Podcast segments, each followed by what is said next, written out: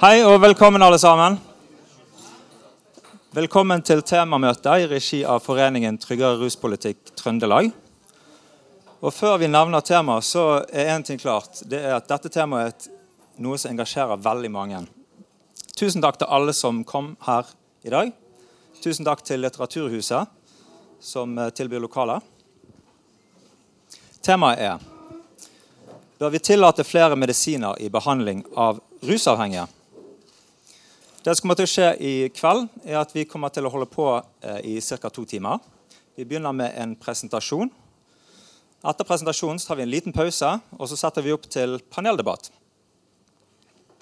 Så vi begynner med en gang. Han kalles eh, de narkomanes lege. Eh, han har jobbet med narkomane på gata i Oslo i over ti år. Ta vel imot Sverre Eika.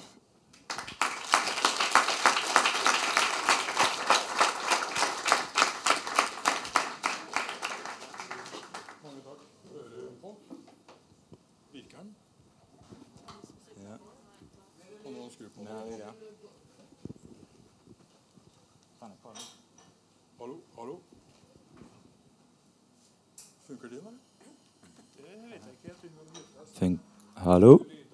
Hallo? Funker det, eller? Fun Hallo? Denne funker. Har lyst til å bruke den i mellomtiden? Bruke den sen, da. Ok. Hallo. Takk for invitasjonen. Veldig hyggelig å få komme til Trondheim eh, og samarbeide med organisasjonene. Vi har i dag vært på NRK Radioen. Og jeg og Arild Knutsen har vært og besøkt eh, Gryta. Eh, veldig hyggelig. Mange engasjerte folk. Og mange brukere som forteller om de problemene det er å eh, være rusavhengig i rigide systemer eh, med liten forståelse for eh, subjektive symptomer eh, spesielt. Jeg kommer jo til å være ganske skarp mot LAR. Og det er jo fordi etter ti år på gata i Oslo så har du Vi får et selektivt utvalg av de som ikke passer inn i LAR. Vi har vel 3000 journaler, og halvparten er ikke fra Oslo. Vi har en enorm tilstrøm fra hele landet. Det er alt fra papirløse, det er folk fra alle byer i Norge. Eh, og Dermed får man et ganske godt eh, inntrykk av hvor skoen trykker, hva som skal til for å få folk videre, eh, hva de ønsker. De vet ok, jeg skal på jul med mor, da må jeg ha tre Contin og fire Valium. Altså det, det er få pasientgrupper som er mer opplyste av hva de selv trenger av medisiner for å komme seg ut. At det skal friste nok til å kutte ut sprøyta og, og komme seg videre.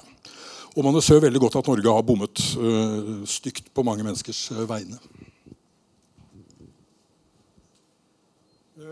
Det er jo spesielt at vi bor i et så likt, lite rikt land med så mye fokus på menneskerettigheter, velferd, tette sosiale nettverk.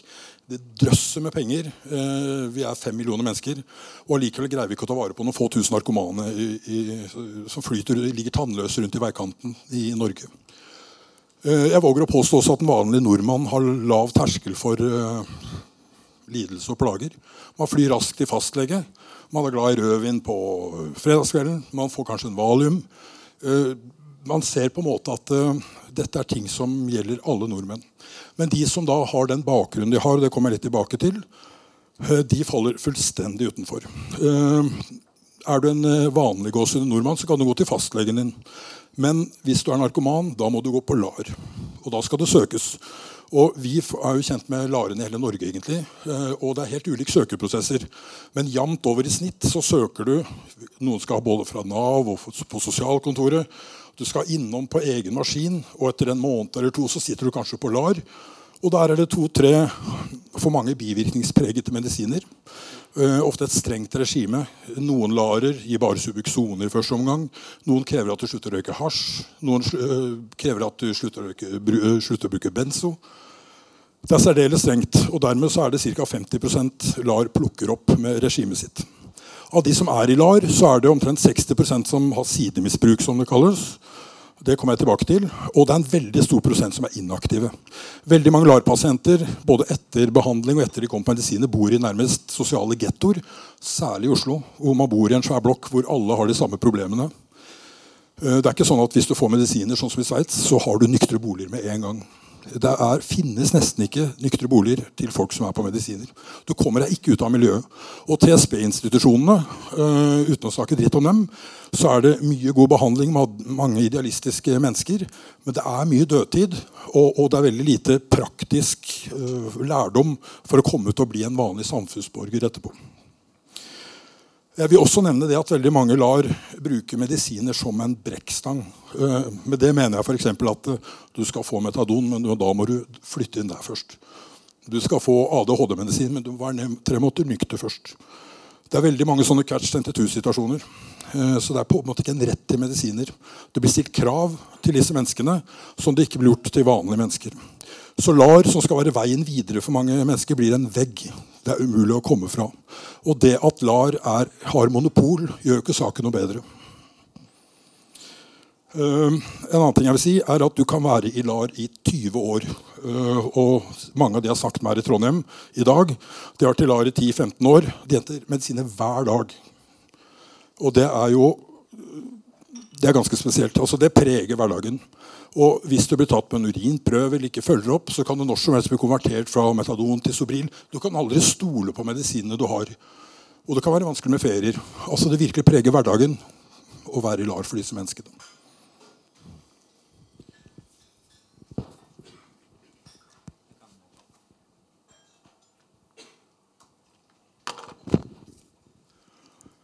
Eh, jeg har bare prøvd å lage en kake her. Eh, for det nå har det blitt sagt ja til Norsk heroinprosjekt. Og det skal starte i 2021 sånn eller noe sånt. Eh, og da er det bare eh, litt ålreit å se hvordan det er løst i andre land.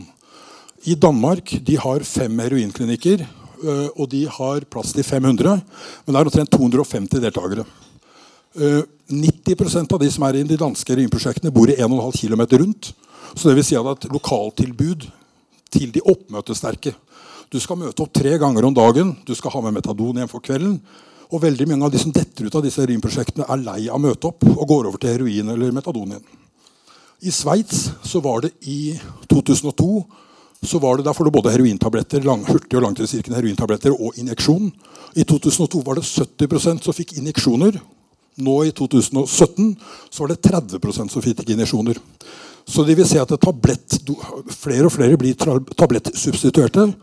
Og også alle de dårligste pasientene de hadde, fikk tabletter og ikke injeksjoner. I tillegg så er mange som er uten årer. De har ikke noe sted å sette. De er sprøyteleie. Så hvis vi er snille, og vi får like mange som Danmark, 250 7500 i LAR Den blå delen av kaka er da de utenfor. Og om det er fra 6 til 12 000 mennesker, aner ikke. Jeg tror det er ganske mange som vil komme ut av skapet hvis man får et ordentlig medisintilbud. Og hvem har ansvaret for disse menneskene? Disse dør altså 20-35 år før normalbefolkningen. Det er 15 eh, til 25 år kortere enn kreftpasientene. De lever 10 år kortere enn normalbefolkningen. Så det er en alvorlig syk gruppe. Og LAR, som har monopol ansvaret for dem, det virker ikke som de tar ansvar. Det er ingen offentlige det, det, Nå er det politiet som forfølger dem. Hva hvis fentanyl kommer? Det er et virkelig tankekors. Bare, for å illustrere hvor få man vil plukke opp ved et heroininjeksjonsprosjekt. Og det hjelper jo ikke med et heroinprosjekt i Bergen og Oslo hvis du bor i Finnmark. Eh, og folk dør av eh, overdoser alene hjemme over hele landet. Så tilbudet bør være nasjonalt.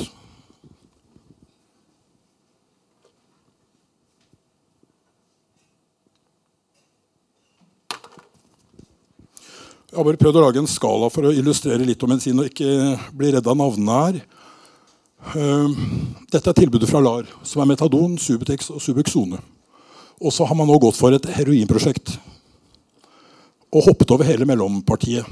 Og Jeg har jobbet mange år med kreft og lindring og palliasjon, både på sykehjem, Linerisett og på kreftavdeling. Og, og, Der bruker man akkurat de samme medisinene. Og hele opiatspekteret, som det heter, opioidspekteret, det er alt fra Dette blir litt sånn som å, at du har smerter og får Paragin fort av legen. Men så har du litt mer smerter. Det er ikke helt bra nok. Og tilbud fra legen er intravenøs morfin. Det er ganske mange ledd innom før du vil ende opp en intravenøs morfin. Og det er det man har sagt ja til med heroin. Og Jeg skal ikke snakke stygt om et heroinprosjekt, for det er revolusjonerende. Og man kan jo håpe det er en spydspiss som åpner, med, åpner, åpner uh, tilbudet for alle medisiner man trenger. Hvis man ser på opiatene i midten, Oxycontin og Dolcontin, det er morfinlignende preparater i tablettform. Mye av dette er førstevalget i Østerrike. Det er en selvfølge at du får det i Sveits. Det er egentlig bare Norge og Sverige som står ned på den restriktive linjen. Og man må ha med benzodiazepiner. Altså Det er valium-type preparater. Veldig mange av våre pasienter i Oslo så er det 19 av 20 som har tygd benzo like lenge som uh, heroin. Og det må få status som vedlikeholdsbehandling. Benzo i LAR i dag er alltid en usikker sak. Det skal trappes ned. En LAR-lege sier at du bare kan ha medisinene. En annen, når neste kommer etter seks måneder, for nå er det så LIS-legesirkulasjon, sier at du må bli kvitt det. Og det er håpløst. Eh, hvis du låser en 100 narkomane på et rom og spør om du vil opiater eller benzo det året, så er det ganske mange som velger benzo istedenfor heroin. Selv om det er kontroversielt, så vil jeg også nevne ADHD-amfetamin. Forklart, Mennesker som injiserer eller bruker amfetamin i store doser, de er like tannløse og underernærte og ødelagte som de andre. Og, og det er også en overrepresentasjon, av ADHD. Så det om man kunne bruke ADHD-amfetamin eh, som en substitusjonspreparat, det hadde vært å vinne. Og Jeg vil også nevne at eh, den gjengen her hvor 60% av sidemisbruk Sidemisbruket kommer fra den gruppen der. Så det vil egentlig si at de tilhører feil medisingruppe. For å sette det helt på spissen, Hvis LAR hadde delt ut heroin og Rivotril i Oslo, så hadde ingen hatt sidemisbruk. For det, det, for det er det de kjøper. Så det å definere sidemisbruk er egentlig hva som er lovlig, hva som ikke er lovlig.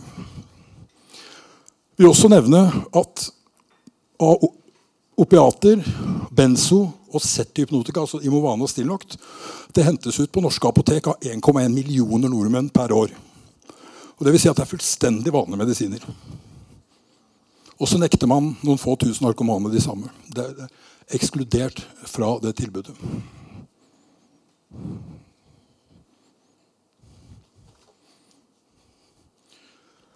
Eh, jeg har bare tatt med noen bilder. For eh, altså jeg kunne vist uh, kurver over nyresvikt. Blodverdier. Angst og depresjon, men det syns ikke så godt på bilder. Så jeg har dokumentert masse sår. Og det viser bare litt av alvoret av hva du får inn på gata i Oslo. Og alle pasientene som kommer nå Ingen fikk LAR. Ingen vil ha LAR. Mange av de tålte ikke ADHD-medisin. Og alle er stabilisert med medisiner i midtfeltet her.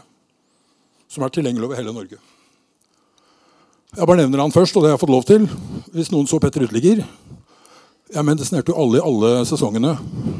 Og Petter Rostad ble nekta LAR i Trondheim. Og han var på gata i Oslo og injiserte to gram heroin, ti 10-20 Rivotril amfetamin i lysken og holdt på å dø med GHB-overdoser oppå dette.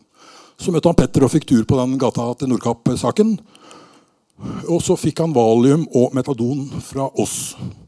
Og så var han fem uker på tur, og så fikk han gratisplass på Finnmarkskollektivet. Uh, og da tenkte jeg nå vil vel LAR ha mannen, så jeg ringte LAR Trondheim og sa mannen er stabil, han er i TSB og er medisinert. Og da ble han meldt til Fylkesmannen isteden. Og etter det så har han blitt nektet TSB. Han har blitt nektet TSB nå i fire-fem år. Og siste forsøket nå har TV 2 søkt. Teddy Petter Uteligger. Han har tatt eh, helseministeren i hånda to ganger. Vært på TV. Allikevel nektes han alt. Og nå han, jobber han fulltid som hundehandler for en hundekjører. Og han er nå på Dolcontin og Exanor og er stabil for første gang. Og kravet fra systemet er at han må slutte med alle medisiner og begynne å hente Subuxone, poliklinisk i Trondheim i rusmiljøet, for å komme seg videre. Dette er fem år, fem år gammelt sår. Pasienten kommer aldri inn i LAR. Vi substituerte med Dolcontin og Valium, og såret begynner å gro. Dette er en svær blodpropp. Kom ikke inn i LAR. Avvist på legevakten. Uh, får da metadon, for han ville ha metadon, men han måtte ha store doser benzo for å følge opp. Og vi behandler blodproppen helt utenfor systemet. Dette er en kar som armene ligger like nærme kamera. Ser den armen? Det er en skikkelig dyp cellulitt. Og han han, det eneste han ville ha substitusjon, det var intravenøs morfin. Og det fikk jeg overtalt Ullevål til å gi han. Men så fikk han noia og stakk av i taxien. Så han er første jeg har tvangsinnlagt på somatisk grunnlag. Uh, og han uh, ble kjørt med blålys til Ullevål, og vi reddet akkurat livet hans. for Da hadde han sepsis. Dette har hånden hans dagen etter. Og han ble holdt 14 dager i narkose på en fentanyl-midazolam-narkose. og fikk 250 gram mitadon på magesonde. Og, og, og når han var ferdig, var for at transplantatet skulle sette seg. Og når han var eh, nærmest ferdigbehandlet og ble vekket, så er det ingen som følger det opp. Ingen lar følger det ikke opp. Ingen følger det opp. Altså Det er et sort hull når det skrives ut. Og den kontrasten mellom ressursbruken på sykehus, hvor det er ikke noe tak, og det hølet der når du er på gaten, det er slående. Dette er med en skuddskade som ikke fikk noe hjelp. Ingen smertestillende behandling utenfor systemet. Sånn ser det ut når årene er borte og du setter heroin intramuskulært. Da får de skaverne og sånn. Du ser svær absess oppå trokanter. en svær absess der. Han fikk dolkontin og Valium er nå helt i rute. Samme tilfelle en annen kar. Akkurat samme behandling. Han får hurtigvirkende morfintabletter. for det eneste Han vil ha. Han er stabil og bor nå for første gang. Trønder, forresten. Fem år gammelt sår. Fem år gammelt sår. Begge fikk eh, Stesolid og Dolcontin, og alle sårene er grodd. Sånn ser det ut med krokodilledop. Og krokodilledop det er noe som heter desomorfin. Det er et, du kan lage et morfin eh, kjemisk. Og hvis du gjør det med industrikjemikalier på kjøkkenbenken i Russland, med tungmetaller, da får du krokodilledop. Og det er skikkelig vevsdestruerende. Og da skjer dette. Det har, han har fått av en benamputasjon. Dette er en jente vi fikk inn. Ambulansesjåfør. Skikkelig oppegående og nykter. Med barne, hadde flere barn opplevde en svær personlig tragedie og havna på gata i Oslo med heroin og benzo. Og fikk i seg krokodilledop. Og sånn ser foten ut. Sånn epleskrått.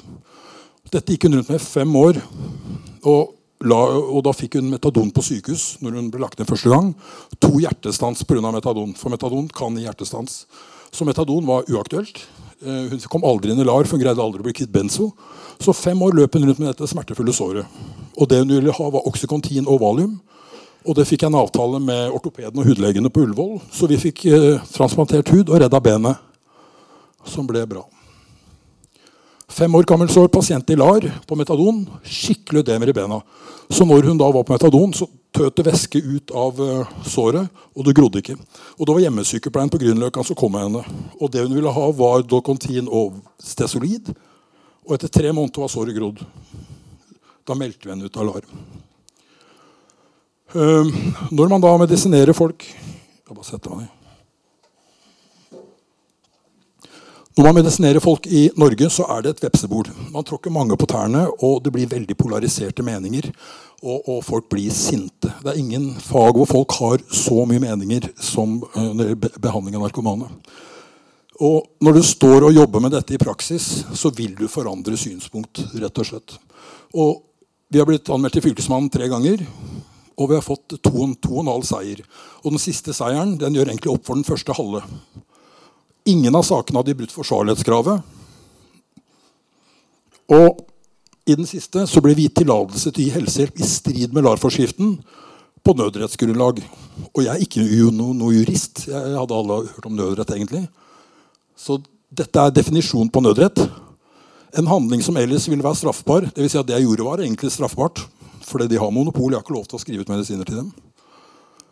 Når det blir foretatt for å redde liv og helse fra fare som ikke kan avverges på annen rimelig måte, og faren for skade er langt større enn skaderisikoen med det jeg prøver å hjelpe til med. Og dette var det fylkesmannen som svarte. Og det er jo en, eh, en veldig flott resultat. Uh, og jeg har drøftet med, har drøftet med flere uh, Hans Fredrik Martinussen, jusprofessor i Bergen. Og det som er faren med nødrett Nødrett gjelder alltid. Men når man bruker det for ofte, kan det gå inflasjon. Det er alltid en subjektiv avgjørelse om man havner på nødrett. Så det er alltid en sjanse man kan, kun kan ta. Men man kan argumentere med at dette er en pasient som ikke vil ha LAR-preparater. Han injiserer heroin og er hver dag i livsfare. Vi gjør en nødhetsbetraktning og medisinerer det. Inntil lovverket er forandret. Og så vil jeg bare si at LAR forholder seg til disse, dette som heter LAR-retningslinjene. Og de er overhodet ikke rettslig bindende. Det er veiledende. Og bare eksempelvis i den gode enden av skalaen. Jeg fikk en kar inn i LAR nå på Dolcontin og Rivotril uten at han hadde vært innom LAR-preparater. Så sånne unntak kan de gjøre, selv om det tilhører unntakene. Retningslinjene er veiledende og ikke noe mer. Men hvilket lovverk er det man må forholde seg til? Det er helsepersonelloven som vurderer forsvarlighet. Det er LAR-forskriften. Det er rekvireringsforskriften, som jeg skal fortelle om her. Og straffeloven som kom med denne nødrettsbetraktningen. Og jeg må si det at I LAR-forskriften og dette skal-lovverket så står det ikke ett ord om hvilke preparater som skal brukes som substitusjon. Ikke et ord om Subuxone, ikke et ord om metadon. Det er bare i retningslinjene det står. Oi, skal du spørre noe?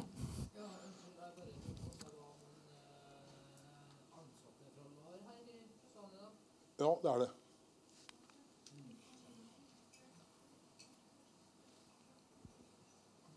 Så bare for å ta rekvireringsforskriften, og det er den man sliter med i førstelinja. Vi kaller oss nulltillinja, for vi er på en måte plata med tak over nede hos oss. Uh, rekvireringsforskriften den sier at uh, ikke smertemedisiner, da er det greit. Men substitusjonsmedisiner, altså som erstatning for en avhengighet, det kan hentes ut fra apoteket i to anledninger. Nummer én til pasienter som er i LAR, og det gjelder jo ikke våre. Så nummer to da er som ledd i en nedtrappingsplan som utarbeides i samarbeid med spesialisthelsetjenesten. Og hva vil det si? De presiserer ikke hva spesialisthelsetjenesten er. Uh, LAR sier 'les LAR', men hvis du ringer LAR for å få et samarbeid med en pasient ikke kjenner, så bare legger de på. Altså det, det, er, det, er, veldig vanskelig. Så jeg kommer fra somatikken, og jeg sier 'les somatikk'. Så til å begynne med fikk jeg med overlegene på der de var lagt inn på siste sykehus, som koforskrivere. Og det koforskriverbegrepet det ble gjentatt av Fylkesmannen som positiv sak i siste svar. Eh, det er også satt en grense på tolv måneder. Og alle vet at LAR i utgangspunktet er livslang behandling. Hvis du kutter ut substitusjonspreparater, skal det være trygge sosiale rammer. Alle vet at det er stor overdosefare når du kommer fra avrusing, fra fengsel, hvis du kutter brått. Det skal være trygge forhold rundt. Så hvorfor ledd 2 skal trappes ned over tolv måneder, er farmakologisk og sosialt farlig. Og så vil jeg bare nevne etiske regler for leger. Bare les den første der. En lege skal verne menneskets helse. Lege skal helbrede, lindre og trøste. Skal hjelpe syke til å gjenvinne sin helse og friske til å bevare den. Han skal bygge sin gjerning på respekt for grunnleggende menneskerettigheter, på sannhet og rettferdighet i forhold til pasient og samfunn. Og ivareta den enkelte pasient interesse og integritet. Og klart Når man da får inn mennesker i denne situasjonen, så må man hjelpe. Og det vil egentlig si at Rekvireringsforskriften kommer i konflikt med etiske regler for leger. Hvor juridisk bindende disse etiske reglene eh, er, aner jeg ikke egentlig. Men uh, man har nå en gang snakket om dem på uh, legestudiet, og, og, og jeg syns det er en viktig, viktig, sak. For det går nettopp for formålet med å være lege. Dette er ikke noe vi kan stå og se på. Det er en samfunnsplikt. Og systemet er to, tydelig dysfunksjonelt. Folk ligger i veikanten, og folk skritter over dem i et av verdens rikeste land. Det er oppdraget, og det er basert på ren menneskelighet og empati. Så det vi ønsker, jeg ønsker, det er at man reformerer lovverket. Nå er det ofte sånn at uh, det er forskjell fra LAR til LAR, men veldig mange LAR er det sånn at du går opp på LAR sammen med Nav eller hvem du nå er sammen med. Du ønsker metadon, og LAR-legen kan ikke svare ja eller nei. Han må opp til et, et, et, et sånn vurderingsteam i, på et bakrom som ikke har sett deg. De ser på ø, papirene og vurderer, og så får du kanskje et nei basert på mennesker som ikke er møtte. i det hele tatt. Så man bør forandre det akkurat som for eksempel, Hvis du har lavt stoffskifte og går til legen, så får du tyroksin. Noe annet vil være helt feil. Hvis du har en avhengighetsdiagnose, så bør du få den rett til medisiner som passer for deg. Det vil gjelde hele opiatspekteret. Det gjelder benzo. Alt dette er et kvantesprang i trygg retning. Og Jeg bare nevner også smertebehandling og kreft.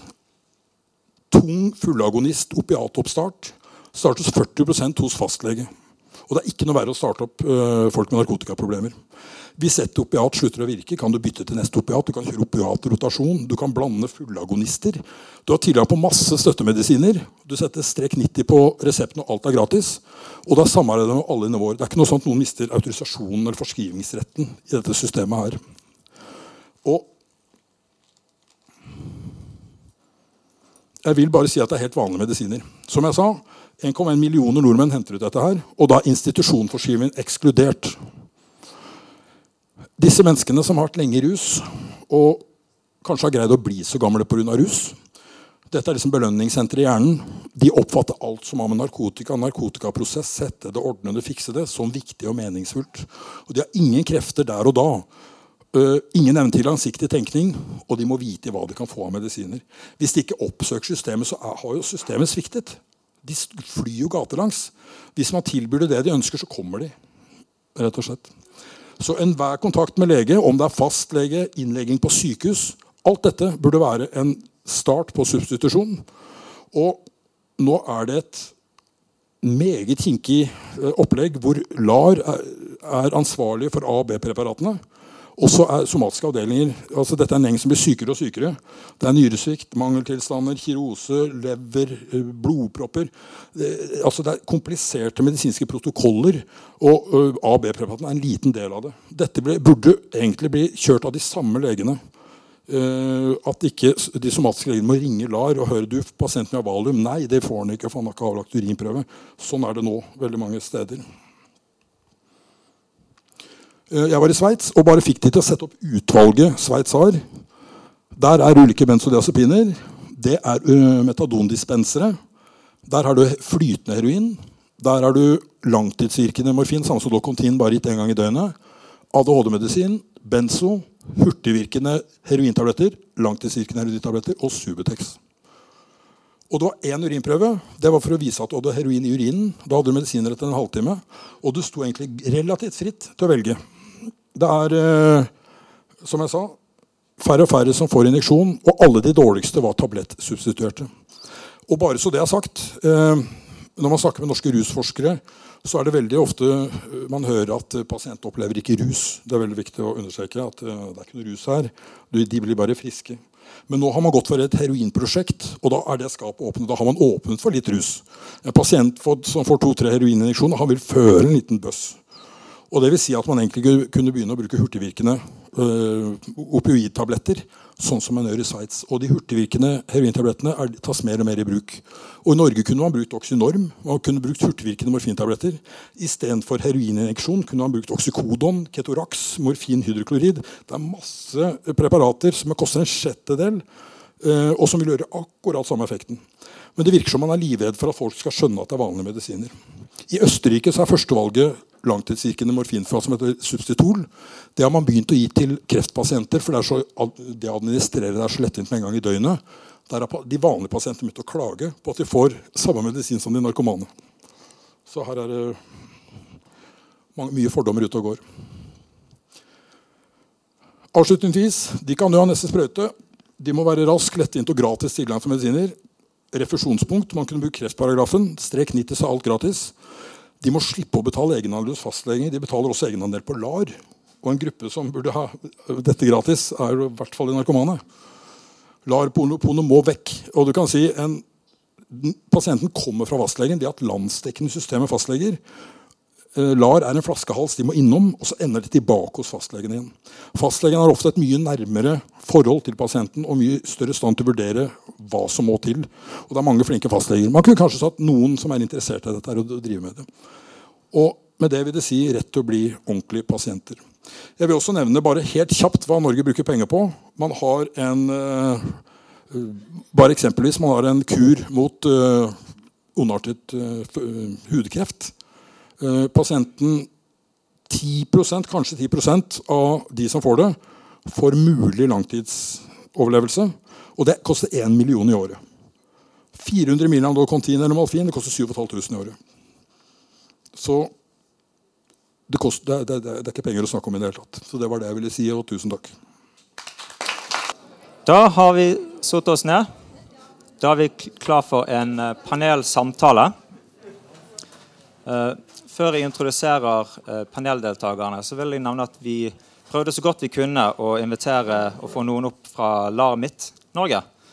Men vi hadde dessverre ikke mulighet var, Ledelsen nevnte at det var ingen som hadde muligheten til å bli med denne gangen, dessverre. Vi håper det blir med neste gang. Så vi begynner med å introdusere eh, mannen på deres høyre side. Han heter Trond Oskar Åmo.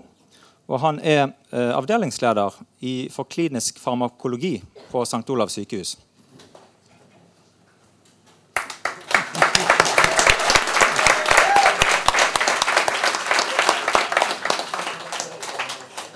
Ja, vi har, allerede, vi har allerede blitt kjent med Sverre Eika. Takk for at du ville komme.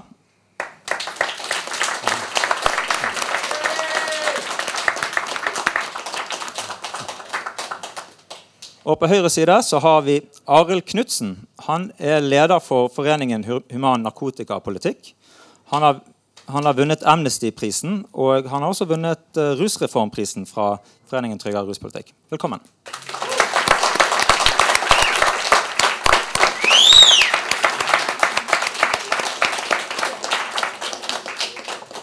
Så hvis vi kan begynne med deg, Trond. Uh, om du kunne beskrevet det tilbudet som LAR nå uh, har, som man som LAR-pasient har. Uh, jeg hører ordet metadon, jeg hører Subutex og Subuxone. Så jeg lurer på om du kan beskrive hvordan kom vi til disse medikamentene? Ja, som sagt så jobber jeg ikke fast i LAR. Nå jeg jobber på farmakologen, så jobber på Lade, på behandlingssenteret der. Og så jobber jeg litt på på, eh, på gryta en gang imellom når det er behov for, for det. Altså, jeg er ikke i LAR-systemet, bare så det er sagt. Men jeg kan en god del om eh, disse legemidlene. For det er det som jeg, som jeg sier, jeg har også levd av rusmidler på sett og vis. Gjennom at vi driver med rusmiddelanalyser og vi driver med forskning og undervisning. Så det er liksom blitt min tilnærming. Men det har den pasienttilnærminga gjennom det, det kliniske retta arbeidet. Da. Grunnen til at disse sånn som metadom ble valgt, var i utgangspunktet at behandlinga tilbake på 50-tallet, som ble starta hos pasienter som er avhengig av opioider, eh, med, LAR, med metadon. Metadon ble valgt fordi det var et preparat som var eh, Det ligner veldig på morfin. Altså du, hvis du tenker å sette bindingsmolekylene til morfin og til metadon, det er det samme, og de binder seg like sterkt omtrent. Så det vi sier på sånn finspråk så sier vi at det er like sterkt eller ekvipotent. Sånn. Så det, det, det, virker veldig likt morfin. Det skiller seg veldig ut fra morfin fordi det er mye lenger i kroppen. En dose med eh, metadon har, skilles ut med en sånn hastighet på at mengden i kroppen halveres i løpet av en, rundt et døgn. Litt lenger til noen og litt kortere til andre. Så det ligger rundt et døgn et sted. Det betyr at du kan gi et preparat som har en én gang i døgnet, som har en vedvarende effekt da, i det tidsrommet. Eh, metadon er selvfølgelig farlig, for det kan gi overdoser, som morfin. Så det er bare et dosespørsmål. Eh, det er viktig å forstå i denne sammenhengen. Men, eh, så det er Grunnen til at man da kan gi det, at det har den ganske lange absorpsjonsfasen og den lange utskillelsesfasen. så dermed så kan du holde innenfor det området som man har tenkt at hvis det er over et visst nivå, så forsvinner en del av suget, som gjør at du da får lyst, mindre lyst til å ruse deg. Hvis du kommer for høyt, så er det igjen fare for overdose med påvirkning av pustinga, som er det store problemet oppe i Ydene, og selvfølgelig andre, andre, med alvorlige bivirkninger. Så man prøver da å finne et nivå som skal være rimelig stabilt innenfor et, eh, et døgns intervall.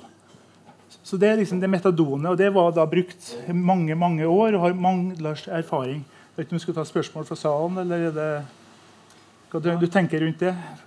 Vi tenker å åpne opp for, for salen uh, mot slutten. Kanskje okay. vi får 15 minutter. Ja. Uh, så gjør da, da, vet vi det. Uh, og første spørsmål. Uh, Subuksone er litt, er, her begynner, nå begynner bevegelsen noe som er sånn farmakologisk sett er ganske vanskelig. det er også binder seg til de samme molekylene i, i hjernen som morfin og metadon. Men det har den egenskapen at det binder seg ikke så sterkt. Og selv om det i utgangspunktet fyller på ganske mye med buprenorfin, så får du ikke det samme, bl.a. de alvorlige bivirkningene på samme måten. Men det er en sannhet med modifikasjoner. for så det er sagt. Fordi at F.eks. i Finland så dør ikke folk av heroin, de dør av buprenorfin. Og Det har noe med tilgangen i markedet og andre for forskjeller så jeg tror ikke at Finnene skiller seg spesielt ut i forhold til toleranse. Det bare er sånn. Så dette er også et preparat som vi vi er opptatt av i forhold til dosering. Eh, men i og med at det har den profilen at det ikke binder seg like sterkt, så kan man gi preparatet i en mye høyere dose. Hvis du tenker sånn smertestillende som du har fått, hvis du har fått sånn, så har du fått kanskje 0,4 milligram eller 0,2 eller 0,1, så langt under 1 milligram som du kan gi av buprenorfin, og som har en god smertestillende effekt. Men i substitusjonsbehandling så gir du 16 milligram.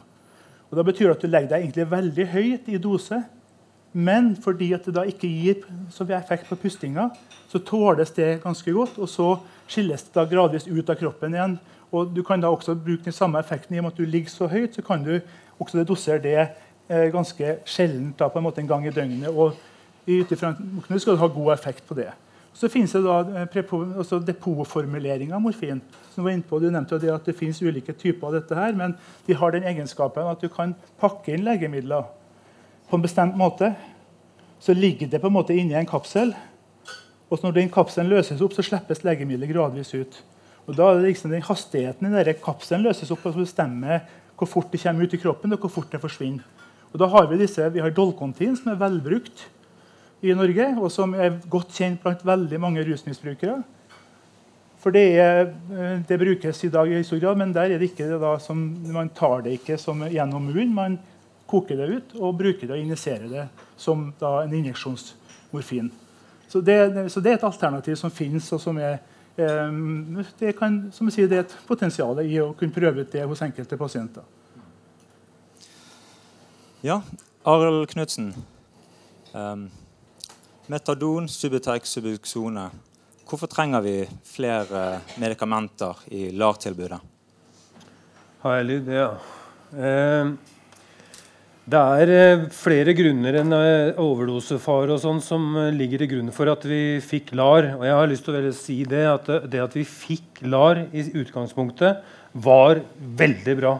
De som har bygd opp LAR, var helter i sin tid, men samfunnet utvikler seg, og kunnskapen om avhengighet utvikler seg. Så at vi fikk et system med metadon og Subutex, var unikt. Vi var ganske tidlig ute i verdenssammenheng. Og dette er et velferdstilbud med gratis substitusjon for illegale stoffer. Hipp hurra. Og de som jobber i LAR, det er fantastiske mennesker som er med å redde liv ved å drive det tiltaket. Men eh, som alle, akkurat som behandlingsideologi, institusjoner og sånn, så konserverer det litt gamle holdninger. Så vi er noen som må uh, rope ut og vise til resultater i andre land at vi må gjøre mer.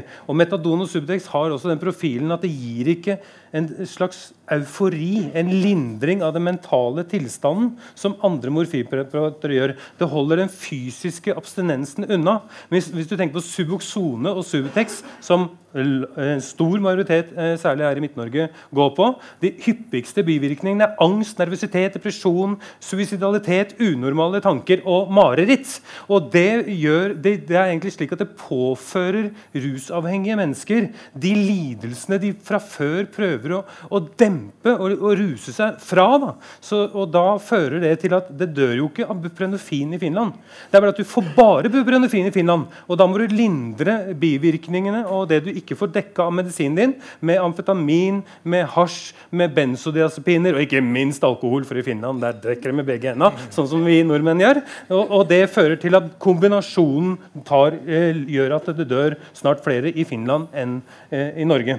Eh, vi ligger for øvrig på tredjeplass så det, vi vet at vi må ha flere typer medisiner, og det sitter veldig inne. Så eh, Dolcontin, eh, langtvirkende, substitul og Sevrelong og, og, slike typer medisiner det er på en måte mellom metadon og heroin, og det gir utrolig mye bedre virkninger og, og lindring av sår og sånn som Sverre viste til. Og heroinutdeling syns jeg er så viktig fordi det blir en symbolpolitikk. For eksempel, i, i, eh, eh det er jo noen som trenger det.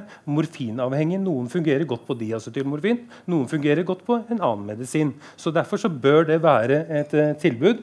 Og her som de er så strenge i LAR, da, for vi, vi, I Oslo så har vi det vi kaller metadonflyktninger. Folk flykter herfra for å prøve å få ordentlig hjelp, for de håper at det er bedre hjelp andre steder.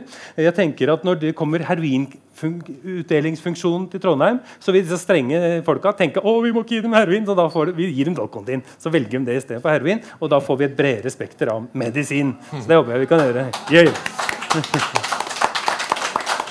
Men eh, det verste er at eh, vi sier i Norge at LAR redder liv. Det gjør det ikke.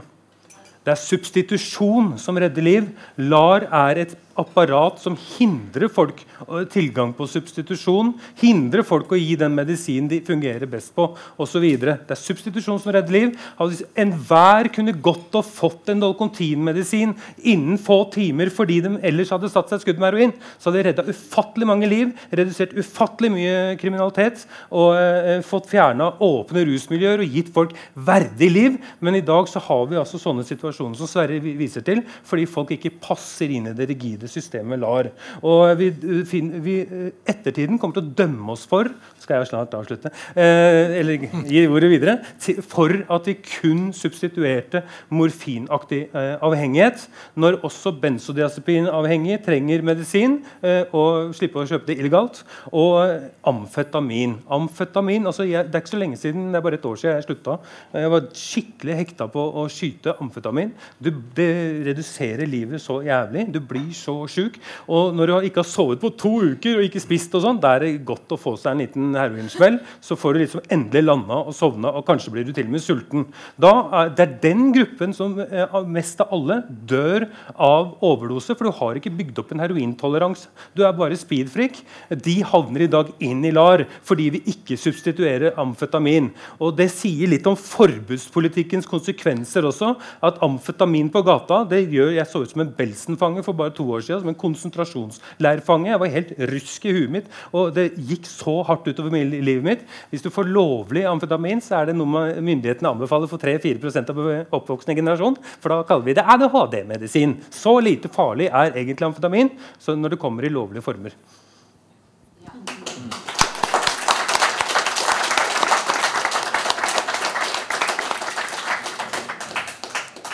Hvis vi tar den tråden videre med LAR, legemiddelassistert rehabilitering, da tenker jeg eh, en person skal bli frisk.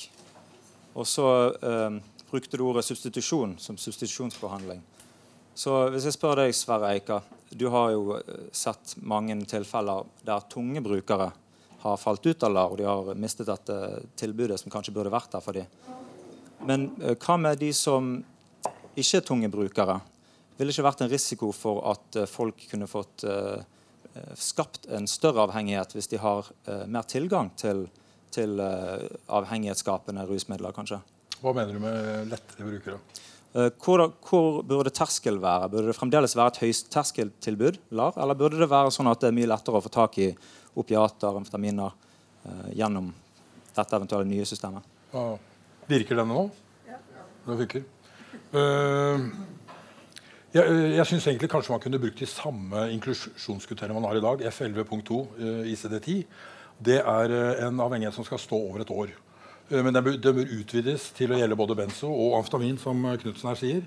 Eh, for det at ingenting er verre enn altså i Oslo, og i Bergen også, egentlig. Her i Trondheim jeg at det er mye Dolcontin og piller. altså Piller er benzo, og amfetamin og piller. Det er liksom de to miljøene. Det er ikke så mye heroin eller dop på gata her. Mens i Oslo og Bergen så er det både heroin og piller og amfetamin i samme sprøyta. Og det settes i halsen, og ingenting er verre enn dette og et ungt menneske Enhver system, altså hva du kan gjøre av dumme ting innenfor systemet som allikevel er et kvantesprang i trygg retning, det er veldig veldig bra. Så hvis du får det mennesket bort fra sprøytevanene og, og, får medisiner, så kan det godt hende dette er et menneske som ikke skal fortsette på dette til evig tid.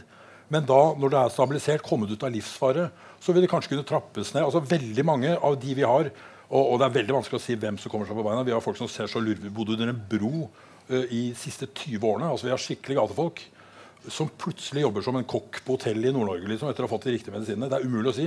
Mens andre ser som aksjemeglere og greier aldri å gå uh, og hente noe, noe, annet enn å hente medisiner. Men allikevel en lettere livssituasjon.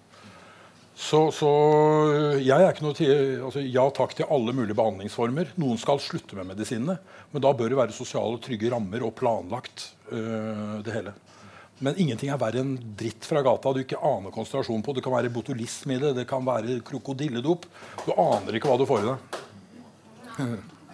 Så er det ikke sikkert det er god rehabilitering å bli aksjemegler heller. Så folk tenker seg litt ja, ja, ja. De trenger jo behandling i seg selv. Godt svar. Takk. Um, så hvis vi går over til deg, Trond.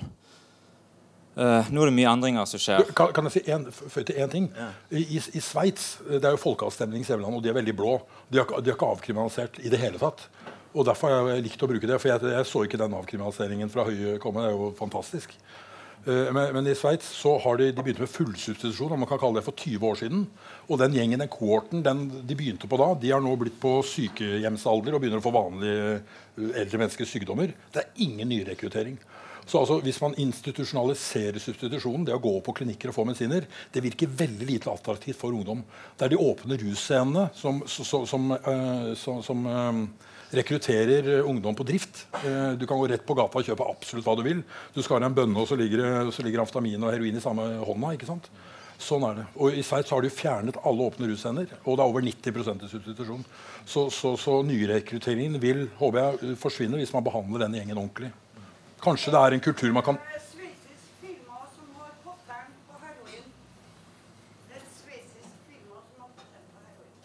Ja. Ja. ja og England bruker det som Norge bruker morfin. I England bruker man det ved svertebehandling og hjerteinfarkt. Uh, heroin er morfin. Det er bare litt mer fettløselig. Så det er akkurat samme preparat.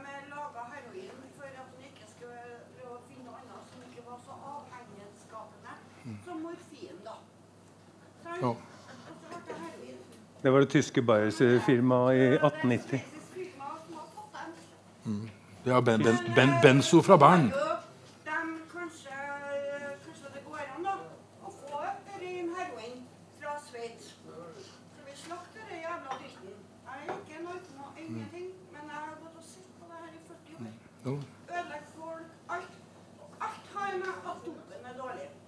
Absolutt.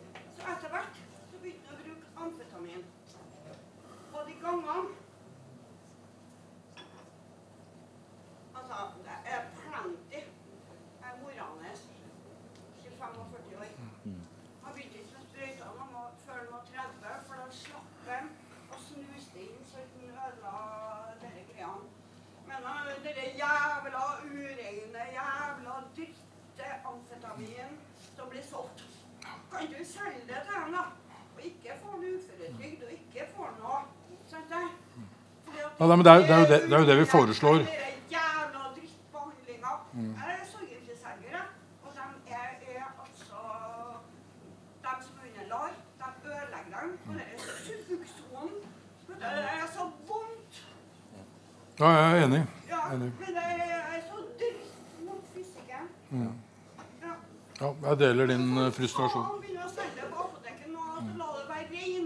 Mm. Som dere hører, dårlig rusbehandling skaper masse følelser og store tragedier. Så folk har masse på hjertet. Men det er mange som har noe på hjertet. Det er jo det som er temaet her i kveld. rett og slett. Ja. Det er derfor vi er her. Takk for Så det vi kan gjøre, er at uh, vi kan ta åpne for sal omtrent en halvtime før vi er ferdig. Så får vi nok tid til å, til å lufte ut, i og med at vi er så mange her òg. Men hvis jeg kan ta det videre til Trond. Um, regjeringen ønsker å utvide, utvide medikamenttilbudet til, eh, til rusavhengige. Eh, det skal skje en prøveordning med heroinassistert eh, rehabilitering. Hva syns du om denne retningen vi går hen? Det er veldig mye stemmer som sier vi må andre lar. det her må gjøres noe med. Er det en risiko at ting går for fort fram? Ut ifra når du ser det som du møter ute på gata, de bildene som Sverre har vist, så kan du si at problemene er store nok til å si at i en del situasjoner så bør tempoet være ganske stort.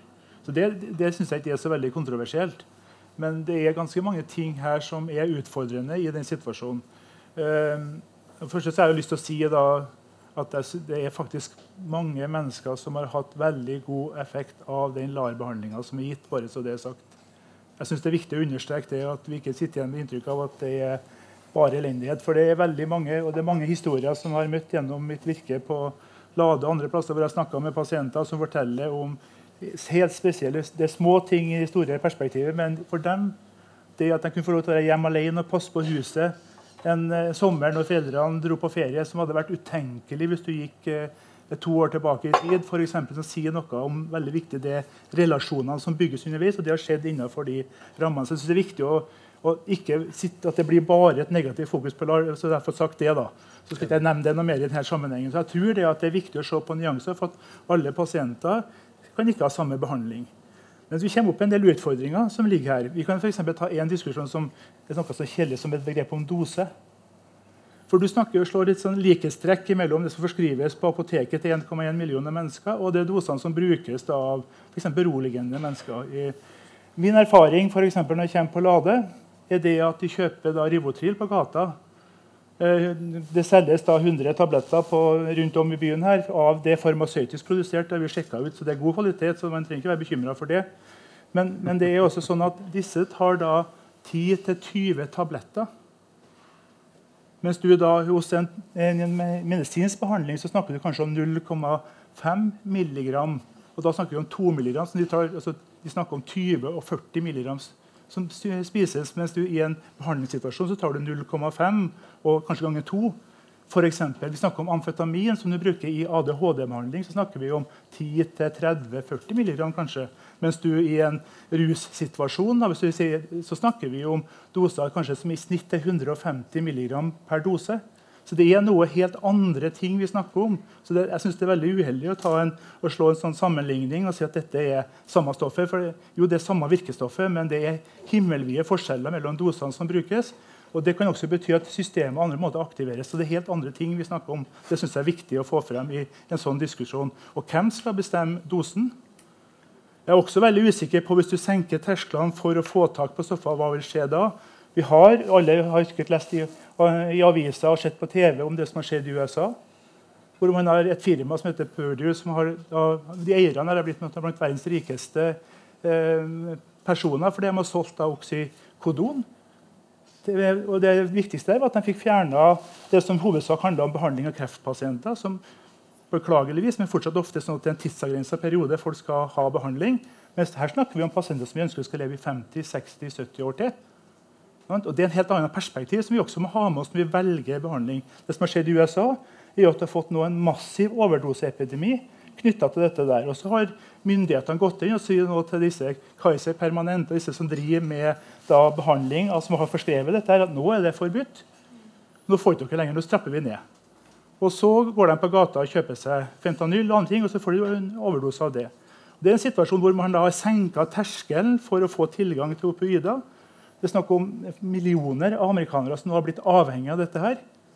Og er en, dette er en utfordring som vi faktisk er nødt til å ta inn over oss når vi snakker om å gjøre ting. Men jeg synes det er et annet tema å snakke om hvilke behandlingsalternativer bruker vi til de som allerede har en omfattende alvorlig avhengighet, som ikke får når målet med det behandlinga vi har i tilgjengelig i dag. Det, det, det, det, er to litt forskjellige temaer. Så jeg er ganske så skjønner, skeptisk på å la det bli veldig åpent å få tak på. for det, er, eh, Dette er potente stoffer som påvirker hjernen vår på områder som er viktige i overlevelsesmekanismene. Og når vi da begynner å manipulere med det, så er, da leker vi med ilden på sett og vis. Så Derfor så er det god grunn til å være skeptisk. Det er, noe, det er min tilnærming her. Ja. Sverre? Ja, enig. klart Man skal være forsiktig. Det er potente stoffer. Men ingenting er verre enn øh, ditt fra gata skutt i åra. Øh, på en måte. Uh, og fastlegene står veldig nærme. I USA så har det vært en overforskriving til folk på normale smertetilstander. Og ved bråseponering så ender de på det svarte markedet og dør. I Norge så har vi en underforskriving. Særlig til folk med narkotikaproblemer. Og når det gjelder doseringsspørsmålet, så har jo en narkoman når det gjelder opiater, toleranseutvikling og må ofte ha to, tre, fire ganger høyere dose enn en smertepasient. så det, det er en naturlig sak. Eh, men altså, folk som vi har, vi har folk som har tygd 50 Rivotril i døgnet. Som har satt 5 gram heroin, nei, aftamin IV eh, og 5 gram heroin i døgnet. Men etter vi har trappet ned og unngått epileptiske anfall, og sånn, veldig mange klarer seg på ganske relativt normale doser benzo. Veldig mange klarer seg på la oss si, 6-8 valium eller 4-6 Sobril. Og der ender de, eh, bare med litt tid. og dette med amfetamin Man kan i hvert fall kjøre opp til 80 mg semisk amfetamin. mange syns det er nok til kanskje kunne klare seg uten. Det er et forsøk. Eh, og det er også en overrepresentasjon av ADHD i rusmiljøet. Så det å ha en, i fall en lavere Nå er det veldig vanskelig tilgjengelig. Det er denne tre måneders nykterhetsregelen uh, før du får medisinene. Og så greier du ikke å være nykter før du får medisinene. Og så er det en sånn catch 22-situasjon. Litt sånn som du skal ha metadon, men du må få et sted å bo først. Så spør du Nav om du skal bo. Ja, men da må du ha metadon først. Det er veldig mange sånne catch 22 på rusfeltet. Uh, og Dermed ønsker jeg på en måte denne retten til medisin. Uh, Men man kan behandle det på samme måte. Altså, uh, LAR har jo i dag daglige utdelinger, hjemmesykepleie, apotekutdeling. Man kan bruke det på samme måte med disse legemiddelforskrivene hvis det kommer fra fastlege. Og, og, det kan stabiliseres både inne det kan stabiliseres poliklinisk. Man, man kunne brukt akkurat det samme systemet for å trygge utdelingen. Uh, og, og, og, når man stoler på pasienten, så er det en vanlig pasient. Man må behandle folk som voksne. Man kan ikke resten av livet hente medisiner hver dag.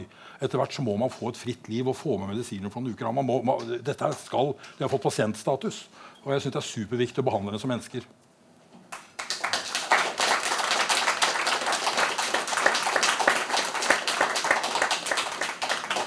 Hva syns du, Harald? Ja, Det er ikke meninga å lage noe to mot én på hver side av bordet. her, altså. Men jeg synes det er veldig viktig innspill, fordi nå kommer vi inn på forståelsen av hva dette her dreier seg om. egentlig.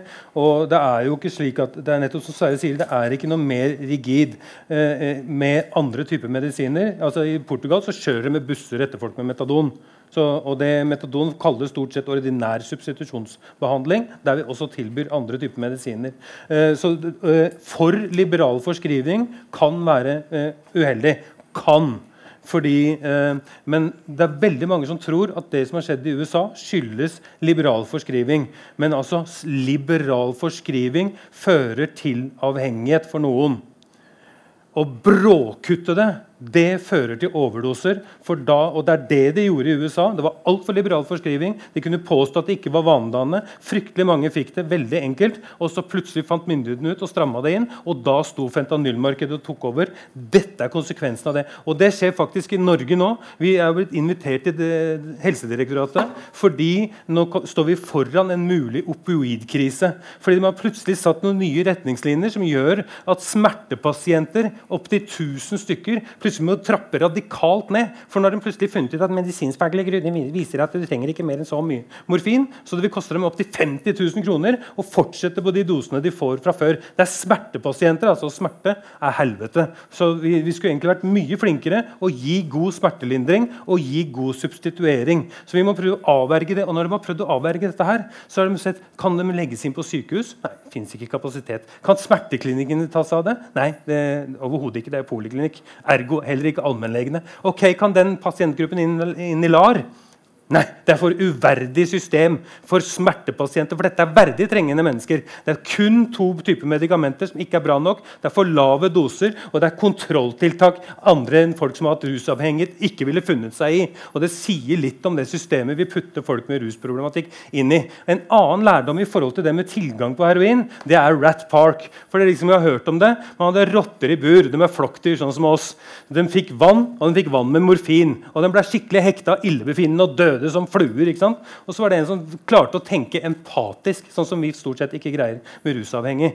Han klarte å tenke at det var ikke noe gøy å være én en enkelt rotte i et bur, så han lagde Rat Park, sånn at de kunne kose seg og menge seg sammen. Når rotter menger seg sammen, da menger de seg sammen, som hadde ordentlig stilig. Og fortsatt full tilgang på vann og full tilgang på vann med morfin. De fleste gikk gjennom abstinenser, og alle, alle slutta. Det en sjelden rotte som tok en liten sipp en gang, og det kan jo være godt med en liten sipp. Særlig når du skal drive og menge deg og jobbe så fælt. Så det viser at det er ikke stoffet som er farlig, det er ikke menneskene avhengige som er problemet. Det er de mer og mindre synlige stengsler som hindrer oss i god livsutfoldelse. Det er problemet.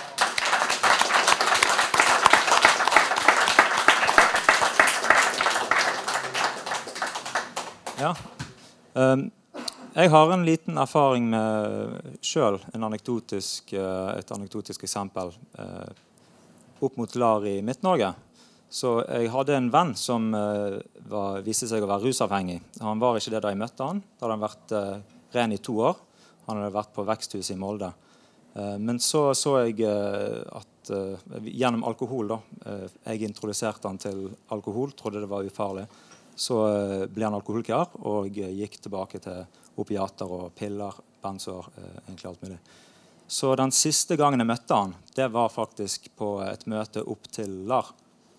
Og eh, det de fortalte han, var at du kan ikke være med, eh, kan ikke være med inn i LAR med mindre du slutter å røyke cannabis. Og for han så var det Nei, det, det går ikke. Jeg kan ikke slutte å røyke cannabis. Jeg, jeg, skal over på eh, Jeg skal kunne klare å slutte med det meste, men cannabis det må jeg ha. Så han jo, var jo en av de som falt ut av LAR. Eh, så jeg lurte litt om dere har noen tanker rundt lokale forskjeller. Eh, eh, LAR midt kontra LAR Oslo. og jeg vil skyte inn en liten ting der også. Og det jeg husker han sa til meg før vi snakket om LAR, var at han sa nei, jeg vil ikke inn i LAR. LAR er det siste jeg vil. fordi at når du kommer inn i LAR, han så på det som at da kommer ikke du ut igjen. Og Han hadde faktisk et ønske om at han, han ville komme ut av avhengigheten sin. Så jeg lurer på om dere har noen tanker rundt uh, de to sidene av saken. Jeg vil gjerne si noe i forhold til cannabis. og det er at LAR har ingenting som helst med om en pasient bruker cannabis. For det har ingen interaksjon med eh, stoffene. Det trigger ikke overdosefare eller noen ting. Så det er totalt eh, irrelevant for de som jobber i LAR, om en LAR-pasient røyker cannabis eller ei. Det er ren moralisme som hindrer dem å få livreddende morfinmedisin fordi de røyker seg en fjone. Er det noe som er farlig når du går i LAR? Det er å drikke alkohol. For det er det farligste rusmiddelet som fins.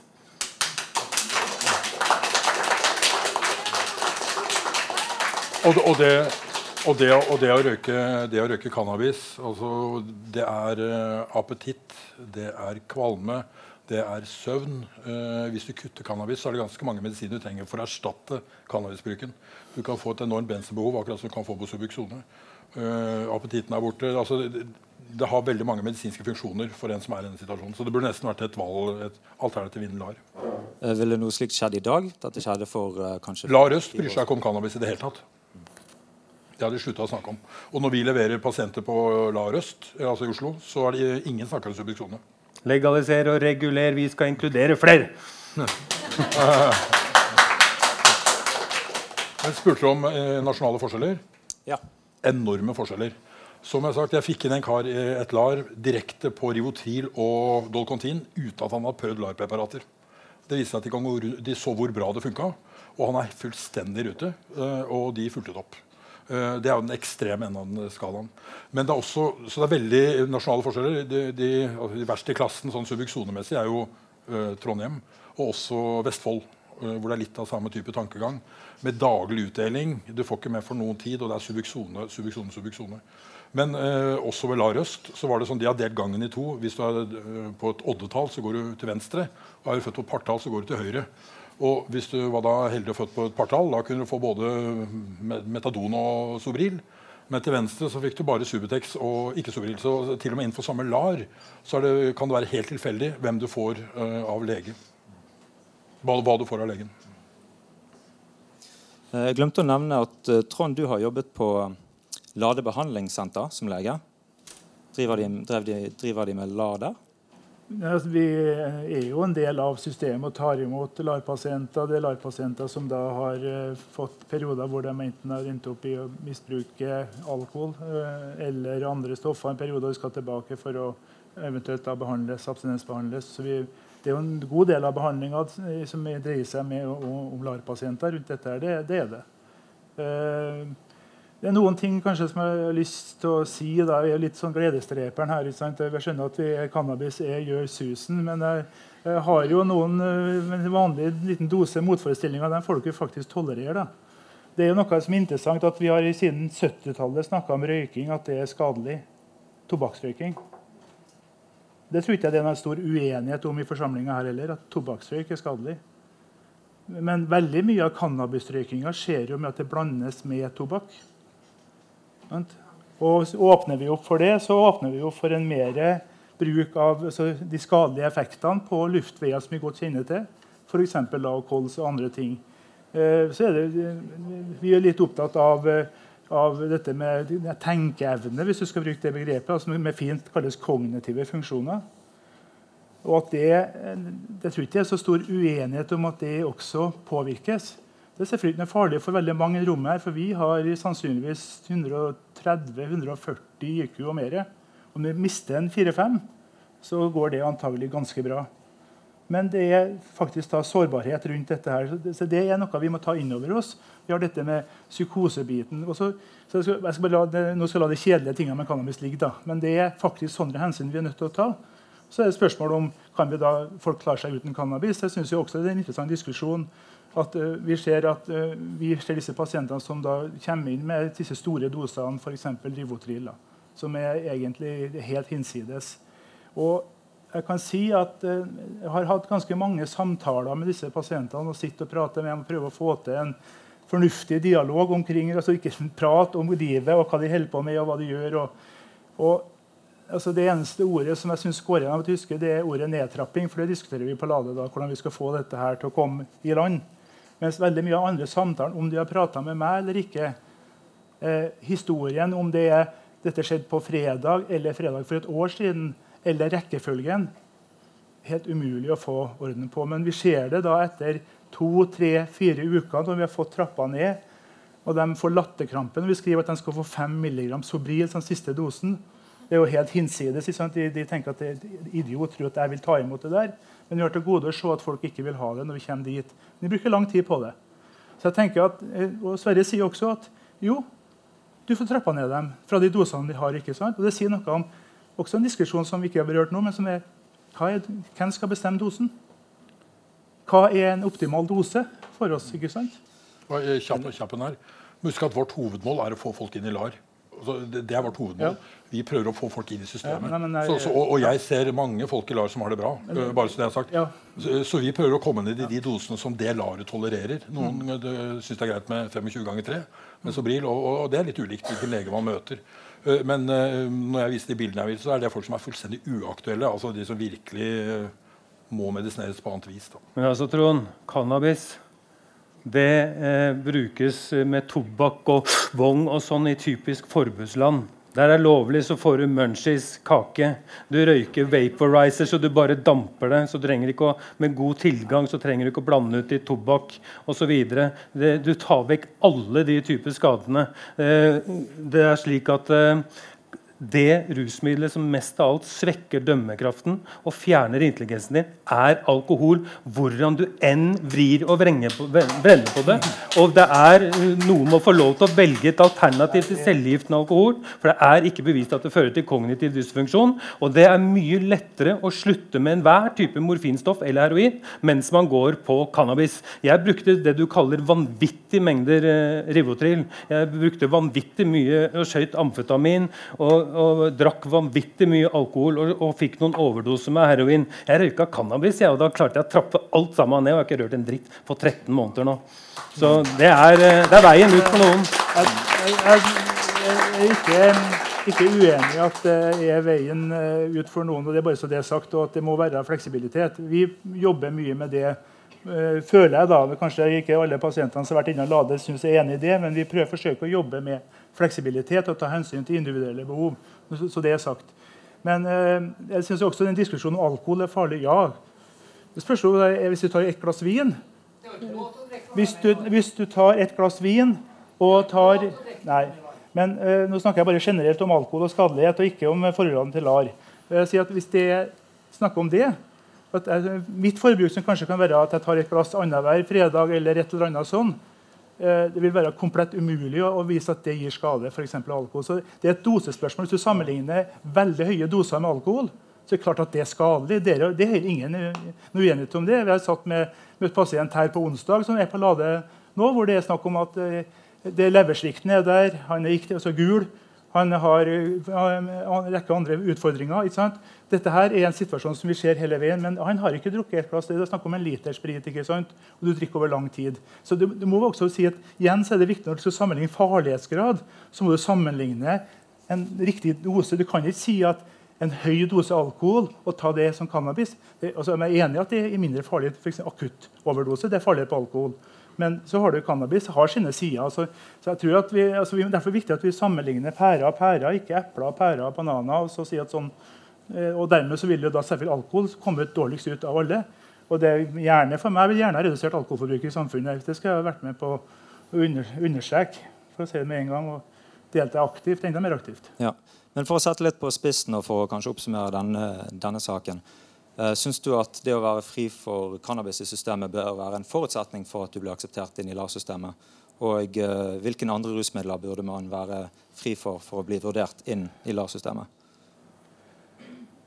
Altså jo, jeg tenker det er litt tilbake til et litt individuelt spørsmål. Det syns jeg er viktig å understreke. At det må gå an å nyansere noe.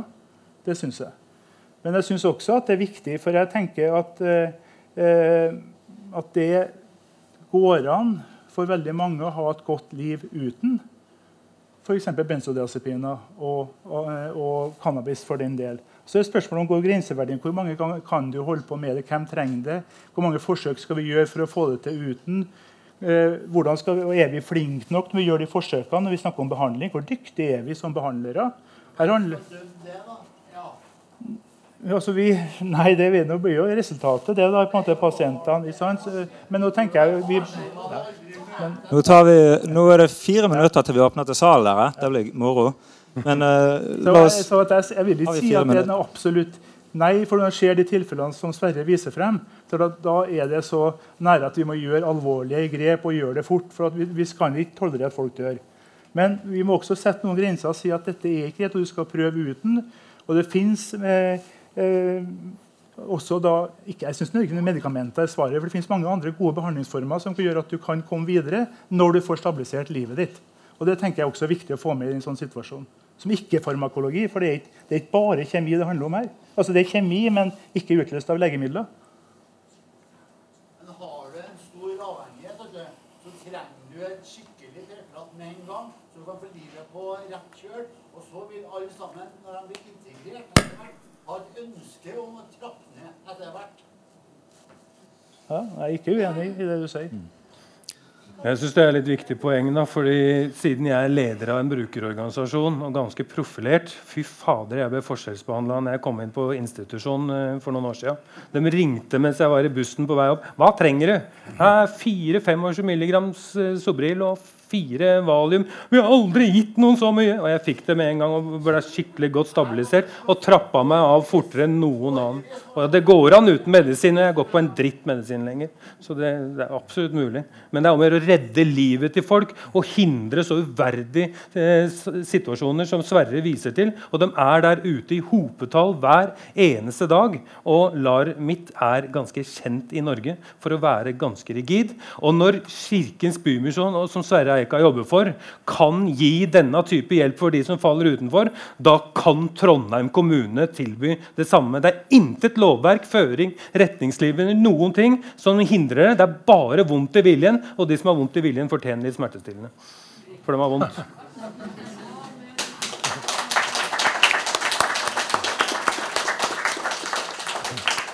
Supert. Det har gått veldig bra så langt. Kan jeg bare si en, en kjapp ting om benzo? Ja, det skal du få. Benzo er en brannfakkel i LAR. Uh, benzo har alltid vært vanskelig for LAR.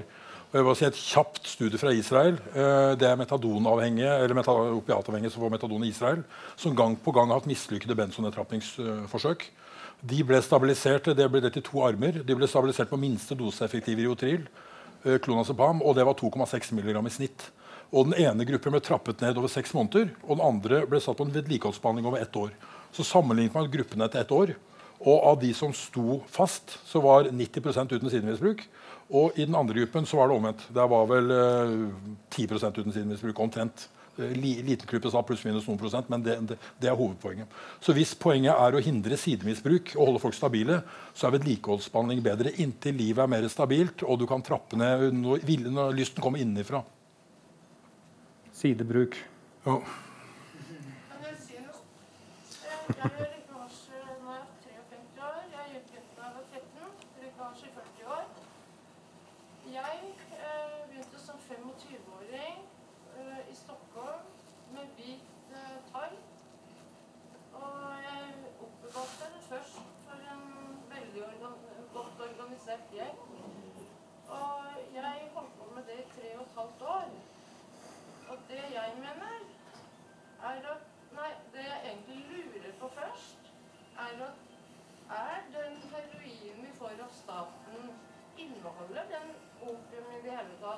Mm. Heroin av staten?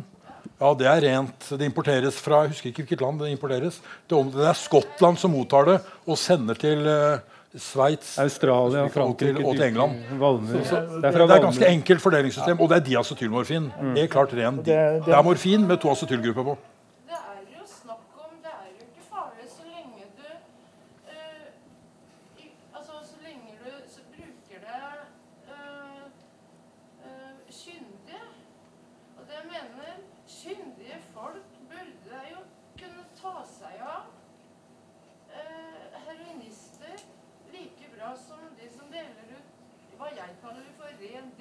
Heroinister er de som kan bruk, så det er det mest kyndige. Lytt til dem. Det ligner ikke det hele tatt på det.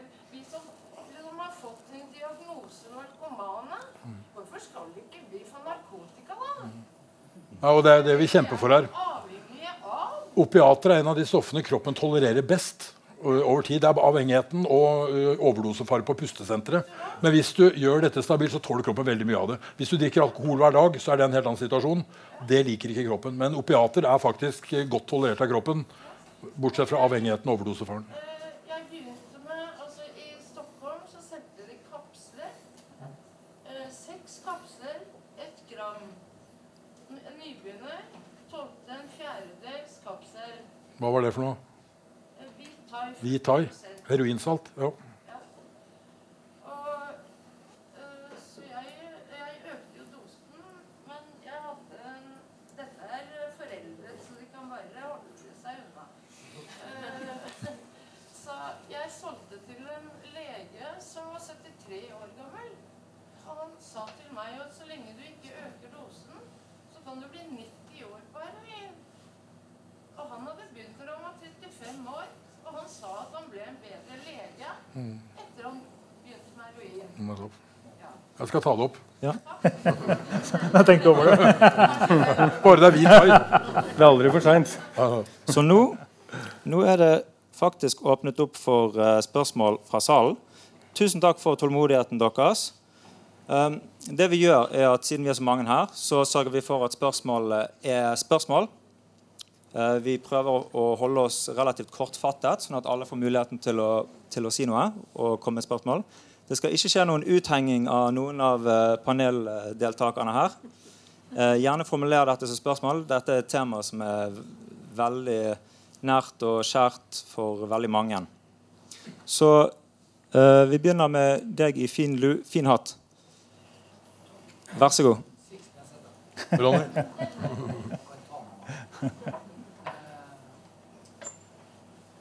Jeg var den sjuende eller åttende personen som begynte i Trondheim med metallen. Jeg var den sjuende eller åttende personen som begynte med metallen i Trondheim. Mikrofon. Kan gi henne mikrofon?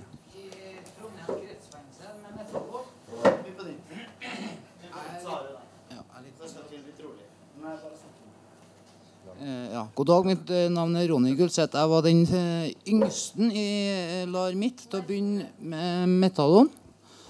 Og var den første til å begynne i fengsel med metallon. Jeg ble kasta ut etter eh, to og et halvt år pga. at jeg røyka hasj. Og eh, ja, det jeg lurer på eh, når vi begynte, Så får vi doser over 200 mg, 250, noen får over 300 mg. Jeg vet av folk som har fått 420 mg. Da reiste jo eh, Berit Nordstrand, tidligere ansatt lege, tidligere ansatt lege ved LAR. Mange ganger i året på konferanser til USA til Manhattan, hvis ikke jeg tar feil. Eller tar jeg feil, Trond? Nei, vet at Jeg har ikke noe lyst til å kommentere. håper jeg du Nei. skjønner. Ja, men, ja. Ja. men i hvert fall USA, da, der de eh, drev på med det. Så, eh, og hun visste jo at i USA så gikk de på maks 80-90 milligram.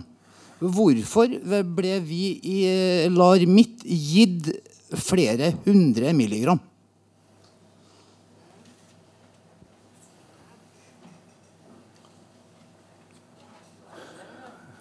Og søskenbarnet mitt døde av det. Mange som døde av det. Er vanskelig å svare generelt på hvorfor noen skal ha fått så høye doser, men vi vet fra de som driver med substitusjon og kun tilbyr to medisiner som ikke er egnet for alle, at da en av eh, vurderingene blir å kjøre opp dosene for at det skal gi adekvat behandling for at de skal ha det bra og holde seg unna. Og noen kan trenge 400, og noen kan greie seg greit på 40. Sånn er det jo. Men at det har blitt sett feil og fødselsproblemer, det er ingen tvil om i eh, LAR-systemet. Og jeg tror ikke det skjer nå lenger. At det er aktuelt nå lenger. Og det er litt uforståelig for meg også. altså Hvis jeg eh, trapper opp en, en pasient på opiater Det finnes ikke egentlig noe makstak på opiater, for du har toleranseutvikling.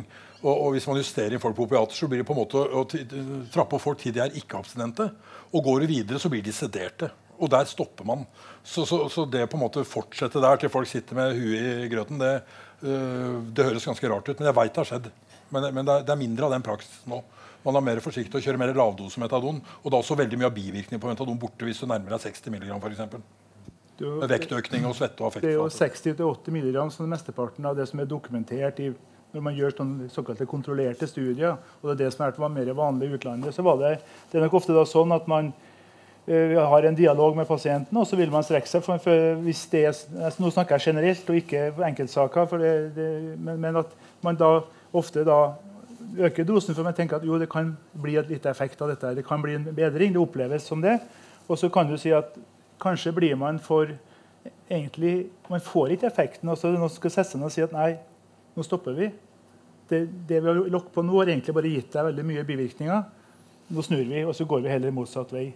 Så eh, Det var en periode hvor det var litt mer vanlig med, med høye doser. og så tror jeg at man har reversert veldig mye av dette nå. Så i dag er det jo for veldig få som ligger på over 80 mg. Det, det skjer jo, men ikke så utgangspunktet er det som en sånn eh, verdi som man sikter seg inn imot. Det har vært brukt også som et, et ja. Ja, så vi, det som er, det her var det, hørte, hørte dere det? Kanskje ikke? Nei, for Han snakka om at vi ta, kan ta blodprøver, og så måler vi mengden i blod. Og så lager vi ofte når vi gjør det, så lager vi sånne grenseverdier som sier at nedi der, ut ifra studiene som er gjort, og ut ifra det vi vet at det var 40-80 mg for eksempel, som er vanlig bruk, eller opp til 100, så blir det laga såkalte referanseområder. Men det skal bare hjelpe oss i å se om samsvaret mellom den dosen som blir gitt, og det vi kan finne igjen. For det hender seg noen ganger at eh, det, noen har veldig langsom omsetning og får mye bivirkninger selv på en liten dose og kan trenge bare 40 mg. Så ser vi noen som har lever som er veldig aktive og bryter ned fort, og da blir 80 for lite. Så det skal brukes til det, for å bare se litt hvor vi ligger, men ikke til å sitte og justere seg opp og ned bare ut ifra en konsentrasjon, for det, det er feil bruk av det. Så det skal være noe som vi bruker for å hjelpe til sammen med pasienten ut ifra opplevelse av den dosen har fått, og si at nå prøver vi å justere oss inn om vi får til noe som blir bra. Det viktigste er alltid klinikken. Ja. Eh, og Oftest brukes den til for eksempel hvis du titrerer opp en pasient 140 mg metadon og han ikke har effekt. Så tar du et blodspeil og så ligger den i nedre område. Så er det en hurtigforbrenner. ikke sant? Så det er mer der man bruker det. Og En ting de ikke har tatt med i betraktning, er en forskning som vi nå heretter viser at eh, kvinner forbrenner metadon fortere enn menn og burde derfor faktisk få høyere doser, men hittil har alle blitt behandla helt likt. Ja. Vel, En ekstra kommentar til det. bare. Eh, Når en pasient kommer til apoteket, så får de beskjed om at nei, LAR har ringt og sagt at du får ikke noe i dag. for du har levert feil prøver eller noe sånt. Og så går de hjem og henger seg. Det har skjedd flere ganger i Hvordan kan det skje? Ja. No, Jeg gir en kommentar bare til Ja. Arild sa. Også det er forskjell mellom menn og kvinner. Men det er mye større forskjell mellom kvinner enn det er mellom menn og kvinner og imellom menn. Dermed så Du skjønner at det er et veldig vanskelig spørsmål å svare på. for Det er inn i enkeltsaker. Det er umulig for oss å sitte og gjøre disse vurderingene. Og Det er grunnen til at vi ikke velger å svare på en del sånne spørsmål. For det ligger i sakens natur. Så Det var derfor du ikke fikk svar. Ikke noe annet enn det. Så det er større individuelle variasjoner enn Og kjønnsvariasjoner. nå, som- nå sjekket jeg tiden, faktisk. Eh, hvis vi skal bruke like lang tid på spørsmålet, så er det plass til to spørsmål til før vi er ferdig. Så hvis vi tar en håndsopprekning, hvem er det som ønsker å spørre om noe? Ja, Hvis vi tar alle som å, alle som har et spørsmål, så får vi en oversikt. Ja, Så vi er på rundt eh, fire-fem. ok. Så hvis vi tenker på det, seks stykker kanskje, tenker på det, så prøver vi å, å korte ned litt. På, så får alle kanskje, hvis vi er heldige, muligheten til å spørre spørsmål. Så jeg så et spørsmål fra kvinne i hvit. Ja. Eh, det virker som at det er litt eh, oppgitt over LAR og vil bort litt fra LAR. Men hvis man får flere medisiner, mer frihet, er løsningen virkelig å fjerne LAR?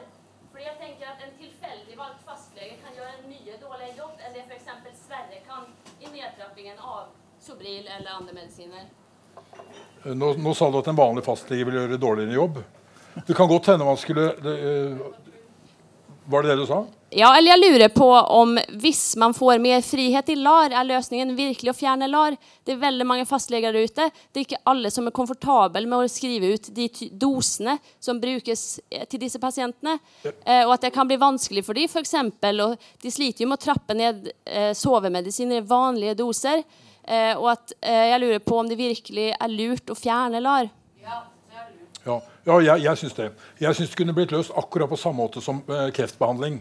Der startes eh, allmennpraktikere som er komfortable, starter opp akkurat de samme medisinene. Hvis det er ukomfortable henvist til kreftpoliklinikker eller somatiske avdelinger, så er det et samarbeid. Man, man, man, gjør det på tvers. Og det er det ved LAR òg. LAR, LAR til, pasientene går fra LAR etter en kort periode tilbake til fastlegen og sitter og klager, og fastlegen kjenner ofte pasienten veldig godt. Og jeg sier ikke at Kanskje ikke alle fastleger skal gjøre det, men kanskje man skal ha noen som går, kan kurses. Kanskje man kan lage retningslinjer for allmennpraktikere og ha spesialklinikker som de kan både rådføre seg med, snakke med. Man kunne f.eks. bli trappet opp ved spesialklinikker, eh, sendes tilbake til fastlegen og ha tett samarbeid. Det er veldig mange måter å løse det på, men, men eh, LAR blir ofte ganske lagt vekk. Det er, det er sykehusnivå, og det er folk som egentlig ikke kjenner deg og egentlig ikke ser deg så mye etterpå. Så jeg synes det å gi mer ansvar til primærbehandler er viktig. Det som er dumt med LAR, er egentlig at vi trenger sentre, vi trenger klinikker og vi trenger forskningsinstitusjoner. Det kan vi ha uansett. Men så lenge vi har et system som heter legemiddelassistert rehabilitering, så setter de moralske grunner til at du ikke får hjelp fordi du er ikke i rehabiliterende forløp. Og da kaller vi det skadereduksjon og setter deg tilbake til å bare få lov til å velge Subuxone og måtte hente det hver eneste dag. Så det begrenser tilbudet for de som egentlig trenger det mest. Det er uheldig med LAR. Det er substitusjon vi trenger, ikke legemiddelassistert rehabilitering for alle som lever uhabile liv. De vil rehabiliteres uansett, og noen trenger medisiner. Så det skal du ikke tvinge dem til. Du skal redde liv og hindre skade og sånn som det der med et vell av medisiner. Og det er fastlegen er mye nærmere på, kan ta beslutninger basert på samtale med dem det gjelder, istedenfor at det sitter en lærlege i andre etasje som aldri har møtt dem, og tar beslutninger over huet på dem. Det er veldig inhumant, sånn som det foregår i dag. Så kan vi ta et uh, mann i skjorte her. Han skal få lov til å prate. It's okay. I will ask the so thank you for organizing and participating, especially the members of the panel, in this interesting and most importantly useful discussion for the community. Um, there is this uh, it's it's a very old debate I, I think but um, there is a my, my personal perspective is that sometimes people have hard time understanding if their monthly salary depends on not understanding something that. So, and my, the characteristic example is uh, Dr. Volkov, the head of the NIDA, uh, the National Institution on Drug Abuse of US. So my question is towards the members of the panel that have some kind of financial relationship with the system or working within the, within the system. So my question is a little bit provocative. Uh, how much do you think that this financial relationship or these financial benefits that are based on maintaining the status quo is affecting the judgment process of all these groups that are opposing to this little bit more relaxed substitution programs. So that's my. I, I think that is uh, significant uh, because uh, it's uh, when you talk this talk, you got uh, powerful opponents, and it's uh, big hospitals, it's research milieu, it's Seraf, it's a lot of important people who have said this for many years. So it's a, it's a fight against windmills, really. Uh, uh, people agree when they see the, see the uh, dis despair on the streets, but it doesn't happen anything, and we lose so many lives each year. So, I, think it's a problem. Uh, it is so big institutions and finance and, collaboration, and everybody knows each other. So uh, maybe you got another view. Uh, I think it's a very difficult question to mm. answer, really, because uh, it depends on what you mean by uh, some kind of dependency and an economical dependency. Is it if you have a job that you would like to keep? Is that the kind of dependency that makes it troublesome? Do we have a lot of person working in a system? We invest a lot to establish a system. And the cost uh, is in, in, in, every human being will be conservative and don't like a change.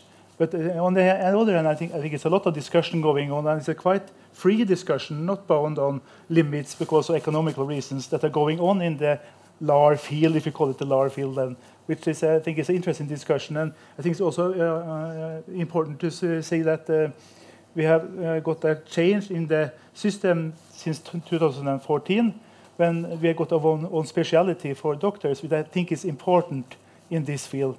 Really important. And we got a lot of young doctors coming in from all, no, have, have no dependency on the system, and there I guess it is an important factor to also to change in a better di direction. But there's always reasons for keeping the system as well. So I, I think it's a very difficult system, yeah, answer to uh, question to answer. Yeah. Uh, I have a small comment also about this. I was uh, doing a little bit of research on you before uh, today, and uh, what I found was a link to NRK, the distriktsnyheter, where the police were uh, looking at uh, people in uh, Solsiden and trying to find out if people were uh, selling or using drugs uh, in the clubs. And I also noticed there was a, there's an initiative called Snook. Uh, it's uh, between uh, the police and Trondheim kommune and also the, the, the clubs and the restaurants in Trondheim where they're really trying to crack down on any use of, of illegal substances. So uh, if we put it locally, might there be some uh, financial incentive for these, for these serving places to make sure that uh, enjoying uh, cannabis or other illegal substances Party drugs. maintained become so Uh, I gave a lecture, but it was for free. for the Snook group. Yeah. I think it's very interesting that we keep speaking English because you understand hva vi egentlig sier på norsk, og du bare stiller spørsmålet på engelsk. Det er veldig fascinerende. Skal vi ta denne salen, så det blir litt balanse her? Skal vi ta det etterpå? Kvinnen i blått, du skal få en mikrofon.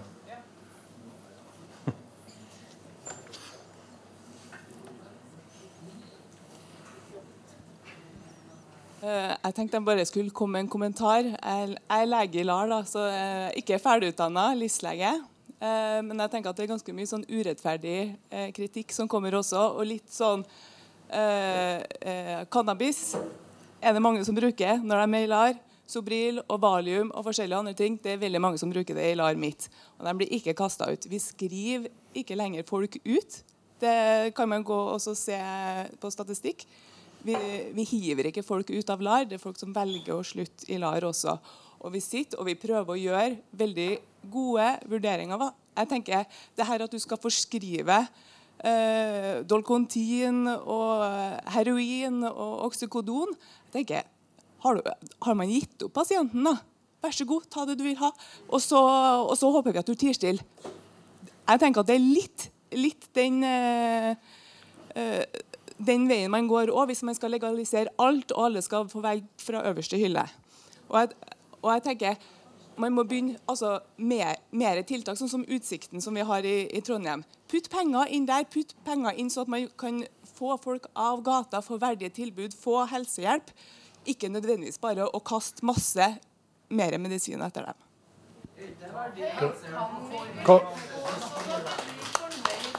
Kan, jeg få svare, kan jeg få svare på den? Eh, eh, Jeg har masse samarbeid med LAR. Jeg kjenner masse folk i LAR. Eh, mange pasienter har det bra i LAR, for all del. Men jeg var på Gryta, var det det? Ja, Gryta, og snakket med, snakket med masse pasienter i dag. Der var det folk som for det første kamuflerer man utskriving enn f.eks. konverterer den til Subuxone, som man vet er et ikke-eksisterende tilbud for den pasienten. Så i praksis er det å hive folk ut av LAR. Det var mennesker som, fikk, som var på litt metadon, som ikke fikk Sobril i det hele tatt, som måtte kjøpe det på gaten. Så den der er ikke så enkel i det hele tatt. Det er masse folk jeg har snakket med i dag i Trondheim som sliter med akkurat det du sa. Så, så det er veldig tilfeldig hva de får og ikke får. Det jeg snakker om her, er at Vi har stabilisert hundrevis av mennesker eh, med disse typer medisin. Skal ikke hive etter dem i det hele tatt. Vi, skal slutte å bruke heroin, slutte å injisere, slutte å tygge mens fra gaten og få medisiner fra systemet. Samtidig tar vi blodprøver, vi behandler blodpropper, vi utreder somatikk. Vi prøver å få dem i bolig, vi prøver å få dem i behandling. Vi jobber sosial, sosialfaglig på alle måter rundt pasienten. Så det er ikke bare snakk om å hive. Men vitsen er å komme seg av gatedop over på en medisin de vil ha. Og det er ikke noe, altså Opiater er mye likere. Det er mye av de samme hovedeffektene og det er mye av de samme bivirkningene. Men for enkeltmennesket så er det enorm forskjell på de ulike opiatene. Akkurat som det er på smertebehandling for kreftpasienter. Og det er det Vi snakker om. Vi har 7500-10 000 mennesker utenfor LAR. Hva, det er de vi snakker om. Jeg, snakker, jeg, jeg, jeg roser LAR også for, for de som har det bra der. Men vi snakker om de tusener av mennesker som går til grunne på gata.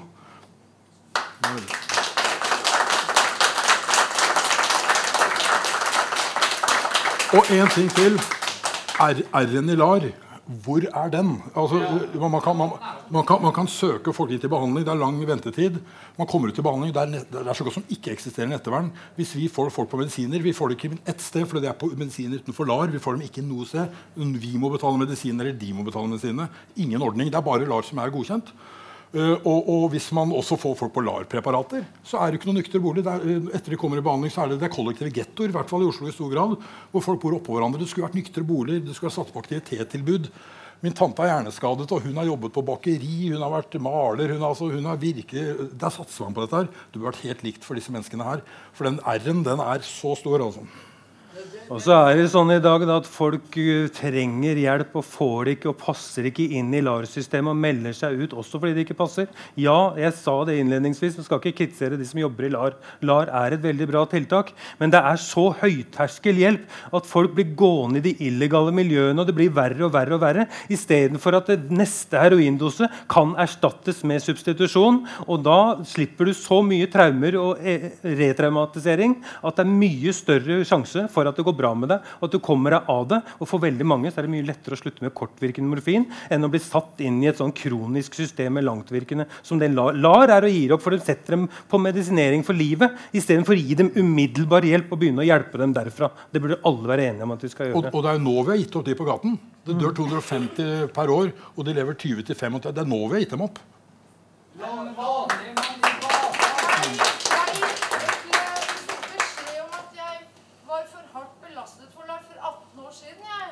De pleier å kalle folk for behandlingsresistent. Det er jo behandlingsapparatet som er for resistent.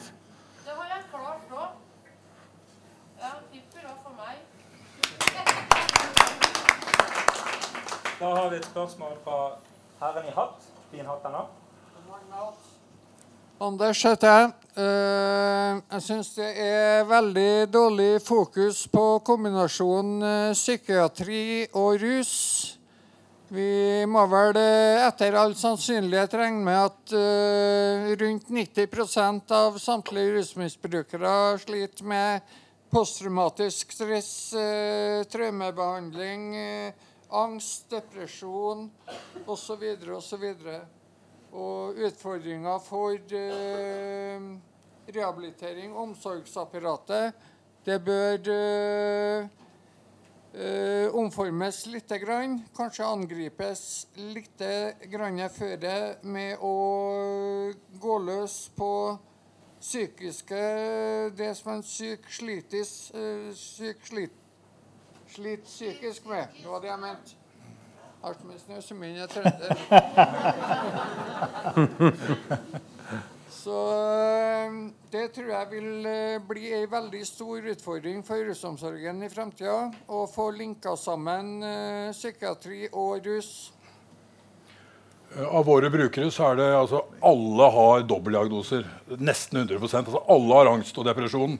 Ulike grad av psykose, primære eller sekundære. og jo mer psykiatri De med tyngst psykiatri og rus lever altså 30, 35 år kortere enn snittet. Det er enorm uh, levetid. Og veldig mye av problemet med psykiatrien er at altså, Jeg har jobbet ti år med dette. Jeg har lagt inn ett menneske på psykiatrien. For han skulle skyte huet av seg med hagle hvis ikke jeg la han inn. Ja, og når du kommer på psykiatrien, du får jo ikke noen substitusjonspreparater. Du får, blir jo stappfull av C-preparater. Du får ikke de medisinene du vil ha. i veldig stor grad. Uh, så psykiatrien har et veldig, uh, Særlig på Ullevål så er overlegen mot rusmisbrukere. De, de, de, de, blir tatt dårlig imot, rett og slett i psykiatrien. Og også de som blir satt som leger i rusfeltet, er jo også psykiatere. Det skulle være mye mer somatisk vinklete leger, for det er veldig alvorlig somatikk. Og man får en helt annen tillit når man begynner med somatia, ser man at noe skjer. Og man blir friskere og man får medisiner. Og så får man ta psykiatrien etter hvert som den dukker opp. Men jeg er helt enig. Øh, det er masse psykiatri. Det er, eh, jobbes jo med det. Det har begynt å kalles for ROP-tjenester. Rus- og psykisk helsetjenester. Og det fins mange gode psykisk helsetilbud uten at du må inn i tradisjonell psykiatri. Det er veldig viktig å huske på. Men til tross for at vi jobber med dette, så opplever vi at folk med rusproblemer nektes hjelp i psykisk helsetjenester fordi de har rusproblemer. Og så opplever vi at folk ikke får rushjelp fordi de fortsatt lider av psykiske helsetjenester som faller mellom alle stoler. Mm. Da ja, unnskyld. Ja, kanskje to korte kommentarer. Jeg synes eh, Den bildet i psykiatrien er nok også, hvert fall min erfaring fra det vi møter her i Trondheim som er mer nyansert. og vi, Det jobbes mye med nedtrapping på pasienter som legges inn osv. Det tas etter min oppfatning da, kjennskap god hensyn til mange av pasienter med de problemene her. Det andre som jeg synes er viktig, for nå skylder vi igjen på LAR for at det ikke er jobb, ikke er bolig, ikke er alternative løsninger. Altså det, det, er jo tross alt kommunale ansvaret vi snakker om. og Kommunene som skal tilrettelegge LAR, er jo ikke dem som har, sitter jo ikke med mulighet til å disponere leiligheter eller jobber. eller andre ting. De kan selv være en som varsler om at det er et behov, og en bestiller. andre ting, Men det er, det er hele systemet som vi må se på i forhold til hvordan det løses. Hva sa du nå? Ja, det er strevsomt. Det er så forbanna krevende. Ja, det, er, det, er mye bedre å sette hjem alene. Ja. Det er kommunale tilbud som sitter, jeg er helt enig. Ja, altså det, det, at vi kaller det LAR, det hindrer også en god diskusjon om hva, hvordan vi skal administrere substitusjon. For R-en skal faen ikke bare gjelde de som er morfinavhengig og trenger den slags type substitusjon. Det dreier seg om å hjelpe enhver vanskeligstilt inn i et godt og stabilt liv. Og det skal vi ikke diskriminere de med andre avhengigheter. Alle trenger rehabilitering hvis du har et ikke-habilt liv. Det er egentlig egentlig ikke relevant å trekke det fram hver gang det er snakk om morfin. For det gjelder også amfetamin, også benzodiazepin, også alkohol. Alle som faller utenfor, fortjener inkluderende tjenester. Så det at de kaller substitusjon for legemiddelassistert rehabilitering, fører til en skinndiskusjon om at det er substitusjonsapparatet som ikke er bra nok. Nei, det er fordi man ikke satser godt nok på arbeidsplasser, boligmarked, boligtiltak og arbeidstiltak og sosiale tiltak og sånne ting for alle som har falt utenfor utenfor. Det er egentlig, henger ikke sammen å knytte det til én type avhengighet og si hvor er R-en i LAR. Vi er blitt lurt til å diskutere det og overskygge den virkelige diskusjonen om hvem og hvordan vi skal gi substitusjon.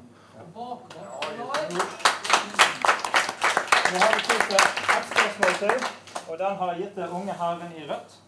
God dag, god dag. Hei, hei. Hei, unge herre i rødt. Jeg har et åpent spørsmål til panelet. Eh, burde målet med substitusjonsbehandling være total rusfrihet, eller kan vi åpne for en viss slingringsmonn der når folk kommer seg ned på et, på et nivå der vi har unngått død og alvorlig helseskade?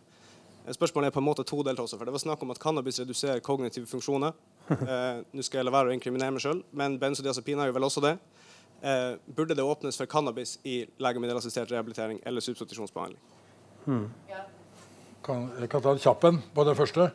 Eh, Norge har alltid vært veldig eh, abstinensorientert i måten man uh, tilfisker på. Det, er enten-eller. Enten følger du programmet, en sprekk, så plutselig kan du miste alt det du har Plutselig er du på Subuxone i stedet for metadon. Og denne abstinenstankegangen er veldig ødeleggende.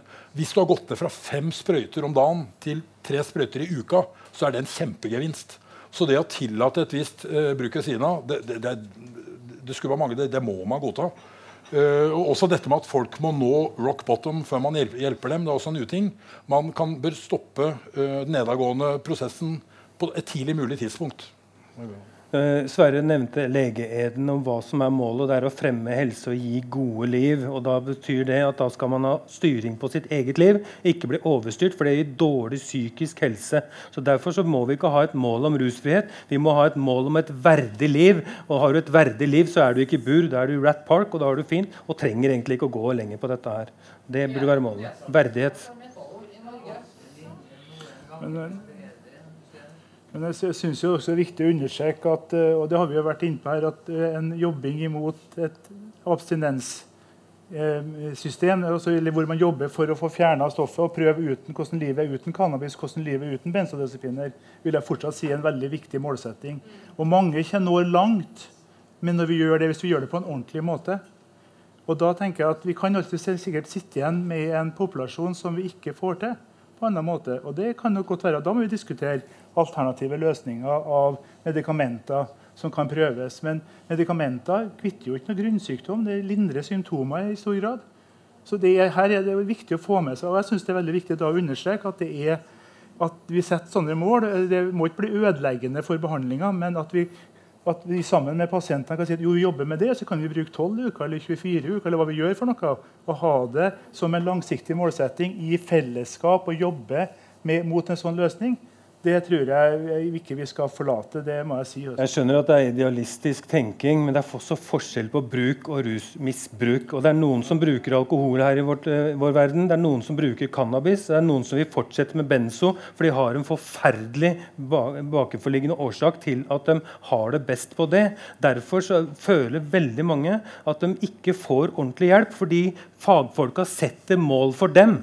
Og jeg må få lov til å sette mitt mål om hva som er et godt liv for meg, og få hjelp deretter. Det er det som fremmer god helse. Ikke at du sier at vi skal gi deg hjelp, og det er at du skal bli klin nykter. For det er ikke alle som har best sånn. Nesten 95% eller noe sånt ruser seg. Og de fleste ruser seg på det skadeligste rusmiddelet. Derfor fortjener vi mer toleranse for de som velger alternative stoffer. Det er et minoritetsspørsmål, egentlig. For. Forbud virker aldri. Forbud har aldri virka. Jeg, jeg syns ikke du refererer meg helt korrekt Aril, når du sier det du sier. Det må jeg få lov til å si. For jeg, jeg syns ikke du refererer meg korrekt når du sier at, eh, at jeg er for en linje hvor det er liksom, eh, fri for alle andre stoffer. At det er det som er målet. Men vi skal være villige til å jobbe hardt og lenge for å nå dit. I fellesskap. Og det står jeg for. Det må jeg si. Men så kan det selvfølgelig være noen tilfeller hvor du da sier at vi får det ikke til. Vi må gjøre noe annet. og Da kan det være løsninger som finnes å velge her, som ikke er det som vanligvis blir som men det kan være riktig i noen sammenhenger. Ja. Derfor blir den siste kommentaren eh, for denne gang. Utrolig nok så klarte ikke vi å sette en strek under uh, temaet og bli ferdig med alt. Uh, men uh, jeg vet ikke om det er mulig å fortsette diskusjonen her. Stenger det nå, eller? Det er åpent. Ok, Så de som vil bli, bli diskuter med sidemannen. tusen takk til et stjernespekket team. Gi dem en god runde applaus.